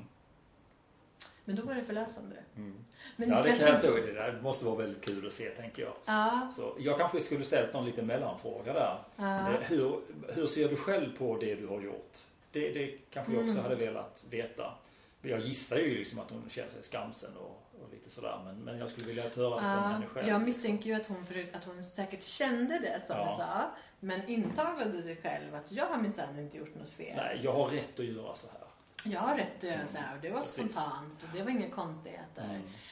Eh, Jag är sån här. Ja, men däremot tänker jag att eh, om inte då Instagram hade funnits Mm. hade, hade hon gjort likadant då? För jag kan tänka mig att hon fortfarande kan åka. Mm. Men då har man ju inte den här möjligheten Nej. att visa att jag... För det är ju en sorts visa att jag, eh, jag är fristående från dig. Mm. Mm. Eh, mitt liv pågår och jag har det jättehärligt. Mm. Liksom, trots att du och jag... Så det är ju ett sätt att liksom, Mm. eh, visa att man står över Mm. lite den andra. Mm. Ja, vad har alla appar gjort? Skapat för möjligheter egentligen? Ja. De sociala medierna. Det är ju faktiskt en intressant fråga. ja, och hur man använder dem. För Ja. jag kan ju till exempel tycka när det gäller Facebook Mm. att Facebook är ju inte gjort för att människor eh, går isär på olika sätt. Nej. Utan, utan om du till exempel, man kan naturligtvis liksom göra olika inställningar, men i och med att man har då den här väggen med status och nu, nu för tiden så är det ju inte så många som i vår generation som använder Facebook. Eh, det har ju blivit mycket mer begränsat och Mm. kanske mer har Facebook men man går inte in och uppdaterar så ofta Mm. och sådär. Mm. Men för några år sedan så var det här väldigt aktuellt att ehm, om du då är tillsammans med en person och den personen gör slut och då antingen så fortsätter du ju att följa personen som att, att du fortfarande är vän på Mm, Facebook mm. eller så bryter man Mm. eh, där. Och då blir det synligt Mm. på ett sätt för båda parter. Liksom. Mm. Och kanske till och med för, jag, tror inte, jag tror inte att det kom upp någon att nu är du inte vän längre. Det, det tror jag inte gjorde. Mm. Men däremot har man kanske en massa gemensamma vänner. Mm. Så att även om man, om man, fort, om man fortfarande är vän, då kommer du se vad den personen gör. Mm. Vad den personen gillar, om den är på en specifik restaurang. Eh, för att den hela tiden kan lägga upp små saker. Mm. Om den då går på en dejt så kan ju den lägga upp en liten, så här, en liten bild, Mm. en liten... Och även om man då har valt att inte längre följa, om då man har en gemensam kompis som Ja, går in och gillar, då poppar det upp Okej. på ens eget flöde. Ja. Så det blir liksom, då blir man ju, man, man, det blir mycket svårare att Man kommer inte undan bry- riktigt. Nej, man kommer inte undan Nej. med den brytningen. Och jag kommer ihåg, vilket var en sån sak som sårade mig väldigt, väldigt mycket. Men det var ju en kompis till mig som, vi hade inte haft kontakt på några år. Men det kom upp Eh, Och jag, jag som inte så ofta var på Facebook, men jag råkade gå in då och kika och då hittade jag i flödet att det står att den här personen har ändrat status, Mm. alltså förhållandestatus, Mm. från eh, i förhållande till gift. Mm. Då är alltså en, en person som var väldigt nära kompis Mm. när vi var tonåringar Mm. eh, och som nu har gift sig, jag har uppenbart inte blivit bjuden Mm. och heller inte på något sätt informerad. Och då är det så tydligt att den här personen, vilket var väl, vi hade inte haft kontakt på flera år, men det blir också väldigt tydligt att den här personen vill inte heller, den ser inte dig som, som eh, eh, till den här viktiga händelsen Mm. så är inte du en del av Mm. hennes liv. Mm. Och det var ju, det blir så otroligt svart, svart på vitt. Mm. Eh, och, man blir, och jag blev väldigt sårad av det. Mm. Mm. Samtidigt som man rent rationellt kan säga att vi har inte haft kontakt på länge. Jag tycker inte att det är orimligt att jag inte blir bjuden. Men det känns, det känns ändå Mm. liksom Mm. i hjärtat. Det var en annan orsak som, som gjorde att jag faktiskt slutade med, med det här. Det var att jag hade gillat eller blivit kompis eller det var någonting tillsammans med en annan person som gav resultatet att vi blev ihop. Jaha! Och det, jag kommer inte ihåg hur det kom sig. Men då skickade ju folk liksom grattis till mig. Och det Ja. kändes fruktansvärt obekvämt. Vi Ja. hade inte blivit ihop alltså. Nej. Men det kändes vansinnigt obekvämt. Och då, Som Ja. sitta där och behöva försöka förklara. Och då kände de att de hade gjort bort sig. Som hade gratulerat. Och, nej, det där, det där var ju något jättekonstigt med det. Ja. Så att, eh, jag fick bara, jag får nästan ont i magen nu när jag tänker på det. Så att, eh, nej, det är ingenting för mig att Nej. hålla på med. Nej, alltså jag är ju ändå väldigt glad att vi är så pass gamla så att man, är, man kunde prova på det. Mm. Men man kände ändå att eh, just det här, Mm. nej det är nog inte riktigt något Nej, för mig. precis. Nej. Så, men man har ändå inte, man har inte dragits in i det så att man på något sätt att det har blivit, vad ska man säga, som en att sammanväxt med det. Nej, som ett beroende nästan. Ja, Eller, eller, att det är någonting, ja, precis. Att man, Begär. eh, Ja, typ. Ja, ja. Mm. Jag kan ju fortfarande känna att det tycker jag däremot är ett litet bekymmer med hur man kommunicerar Mm. med folk. För förut så fanns det ju inte så många medier att kommunicera Nej. via. Antingen så skickade man ett brev Mm. eller så ringde man på hemtelefonen Mm. när man ville ha tag på en person. Om man inte sågs liksom. Mm. Eller så sågs man då naturligt. Man kunde ju bara gå hem till någon. Det var ju liksom också så man. Ja. Man gick hem till personen och ringde på dörren. Mm. Eh, och liksom så här, ja vad ska vi ta en kaffe liksom. Mm. Men nu så, och sen så la man ju till mobiltelefonen. Och det var ju egentligen bara som att ha hemtelefonen på fickan. Mm. Eh, och sen så la man till smset. Mm. Vilket gör ju, sms tycker jag ju är, det är min default kommunikation. Sms Mm. tycker jag är det lättaste sättet. För det är ju ett snabbare, det, det är ju egentligen som att skicka ett litet vykort. Mm. Eh, så det är väldigt kortfattat. Mm. Och sen så är det snabbt. Och personen kan ändå svara när de vill och läsa när de vill. Så Mm. man behöver inte störa. Så sms det är ju min, det är ju den som jag Jag, tycker nog också att det är det bland det bästa i alla fall. Ja. Ehm, Bara det inte blir en massa långa haranger utav det. Då, Nej, det får inte vara precis, det då, måste då vara tröttnar jag. Ja, och det får, Det ja precis. Man får ju helst, det ska ju helst vara den här trepunkt. Alltså en skickar en fråga Ja. som är liksom en, nästan en ja och nej. Ja. Och så skickar den andra eh, till, så här, ja det blir bra. Mm. Och sen säger man okej, då vet jag. Och så har man, Då är det klart. då är det Precis, klart. precis. Och möjligtvis en, en extra sväng. Precis. Men jag kan ju tycka när man ställer öppna frågor Mm. på ett sms. Det blir så långt. Det, Det, går det kan bli inte. långt. Då får man nästan då får man ringa. Mm. Eh, och jag, jag, jag, jag tycker inte om att sitta och skriva. Nej. Där jag, jag har blivit jättegammal känner jag mentalt. Men Mm. det är egentligen inte, det är ju inte ålder det har med. Men jag orkar inte sitta och det tar ett enklare liv. Ja. Nej, och många gånger så orkar jag inte svara. Nej. Det blir den effekten att jag tänker Åh, det här får jag ta lite senare. Ja. Det här orkar jag inte nu. Ja. Och sen blir det bara stökigt på grund av det. Mm. Mm. Och mail, mail är ju egentligen bara att det är en dator istället för telefonen. Så mail tycker jag också egentligen är ganska okej. Mm. Eh, Men sen har man liksom alla de här forumerna. Messenger tror jag har dött ut lite grann. Och så WhatsApp som, som då många förväntar sig att man använder nu. Mm. Skype och liksom. Och, då, och det ville alla ha olika. Mm. Jag tyckte ju Skype var liksom funkade jättebra under en lång period och då var det i Mm. princip bara det som användes. Och sen Mm. helt plötsligt började folk Ja, kliva över vi eh, kommunicerade via Skype, vet du, smsade där. Ja, så. och anledningen till att jag inte använder det längre är ju för att jag inte kommer åt mitt Skype-konto. Ja, okej. Och anledningen att att jag hade- inte använder det, det är för att du inte använder det. Precis.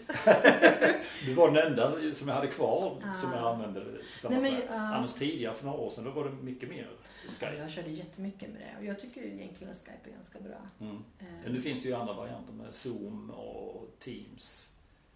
eh, Ja, de också så. Jag använde. Skype till... eh, Jag kommunicerade med Bolivia då på den tiden. Mm. Så det var ju strålande. Det var riktigt bra faktiskt. Mm. Men nu är det mer Zoom och Teams Mm. Ja. ja, Ja, skönt att vara tillbaka. ja precis. Jag hoppas att det kan bli lite, Lite oftare. lite oftare. Mm. Det är ju vad vi orkar. Ja, men precis. hinna. Men det är precis. ju någonting ska ju som vara ger. balans på livet. Liksom. Mm. Ja, när jag har haft lite poddabstinens. Mm. Och så har jag kollat i min kalender, kollat hur mycket jag har jobbat och så får jag Mm. balansera det. Och, eh, ja, det här har rykt då några gånger. Men, eh, ja, Det måste du få göra. så Eh. måste det också få vara. Men, eh, men det gör lite ont. Det, det känns ju bra för då vet man att då vill man ju något. Ja. Ja. Nej, men jag tror vi får tacka för idag. Vi tackar för idag.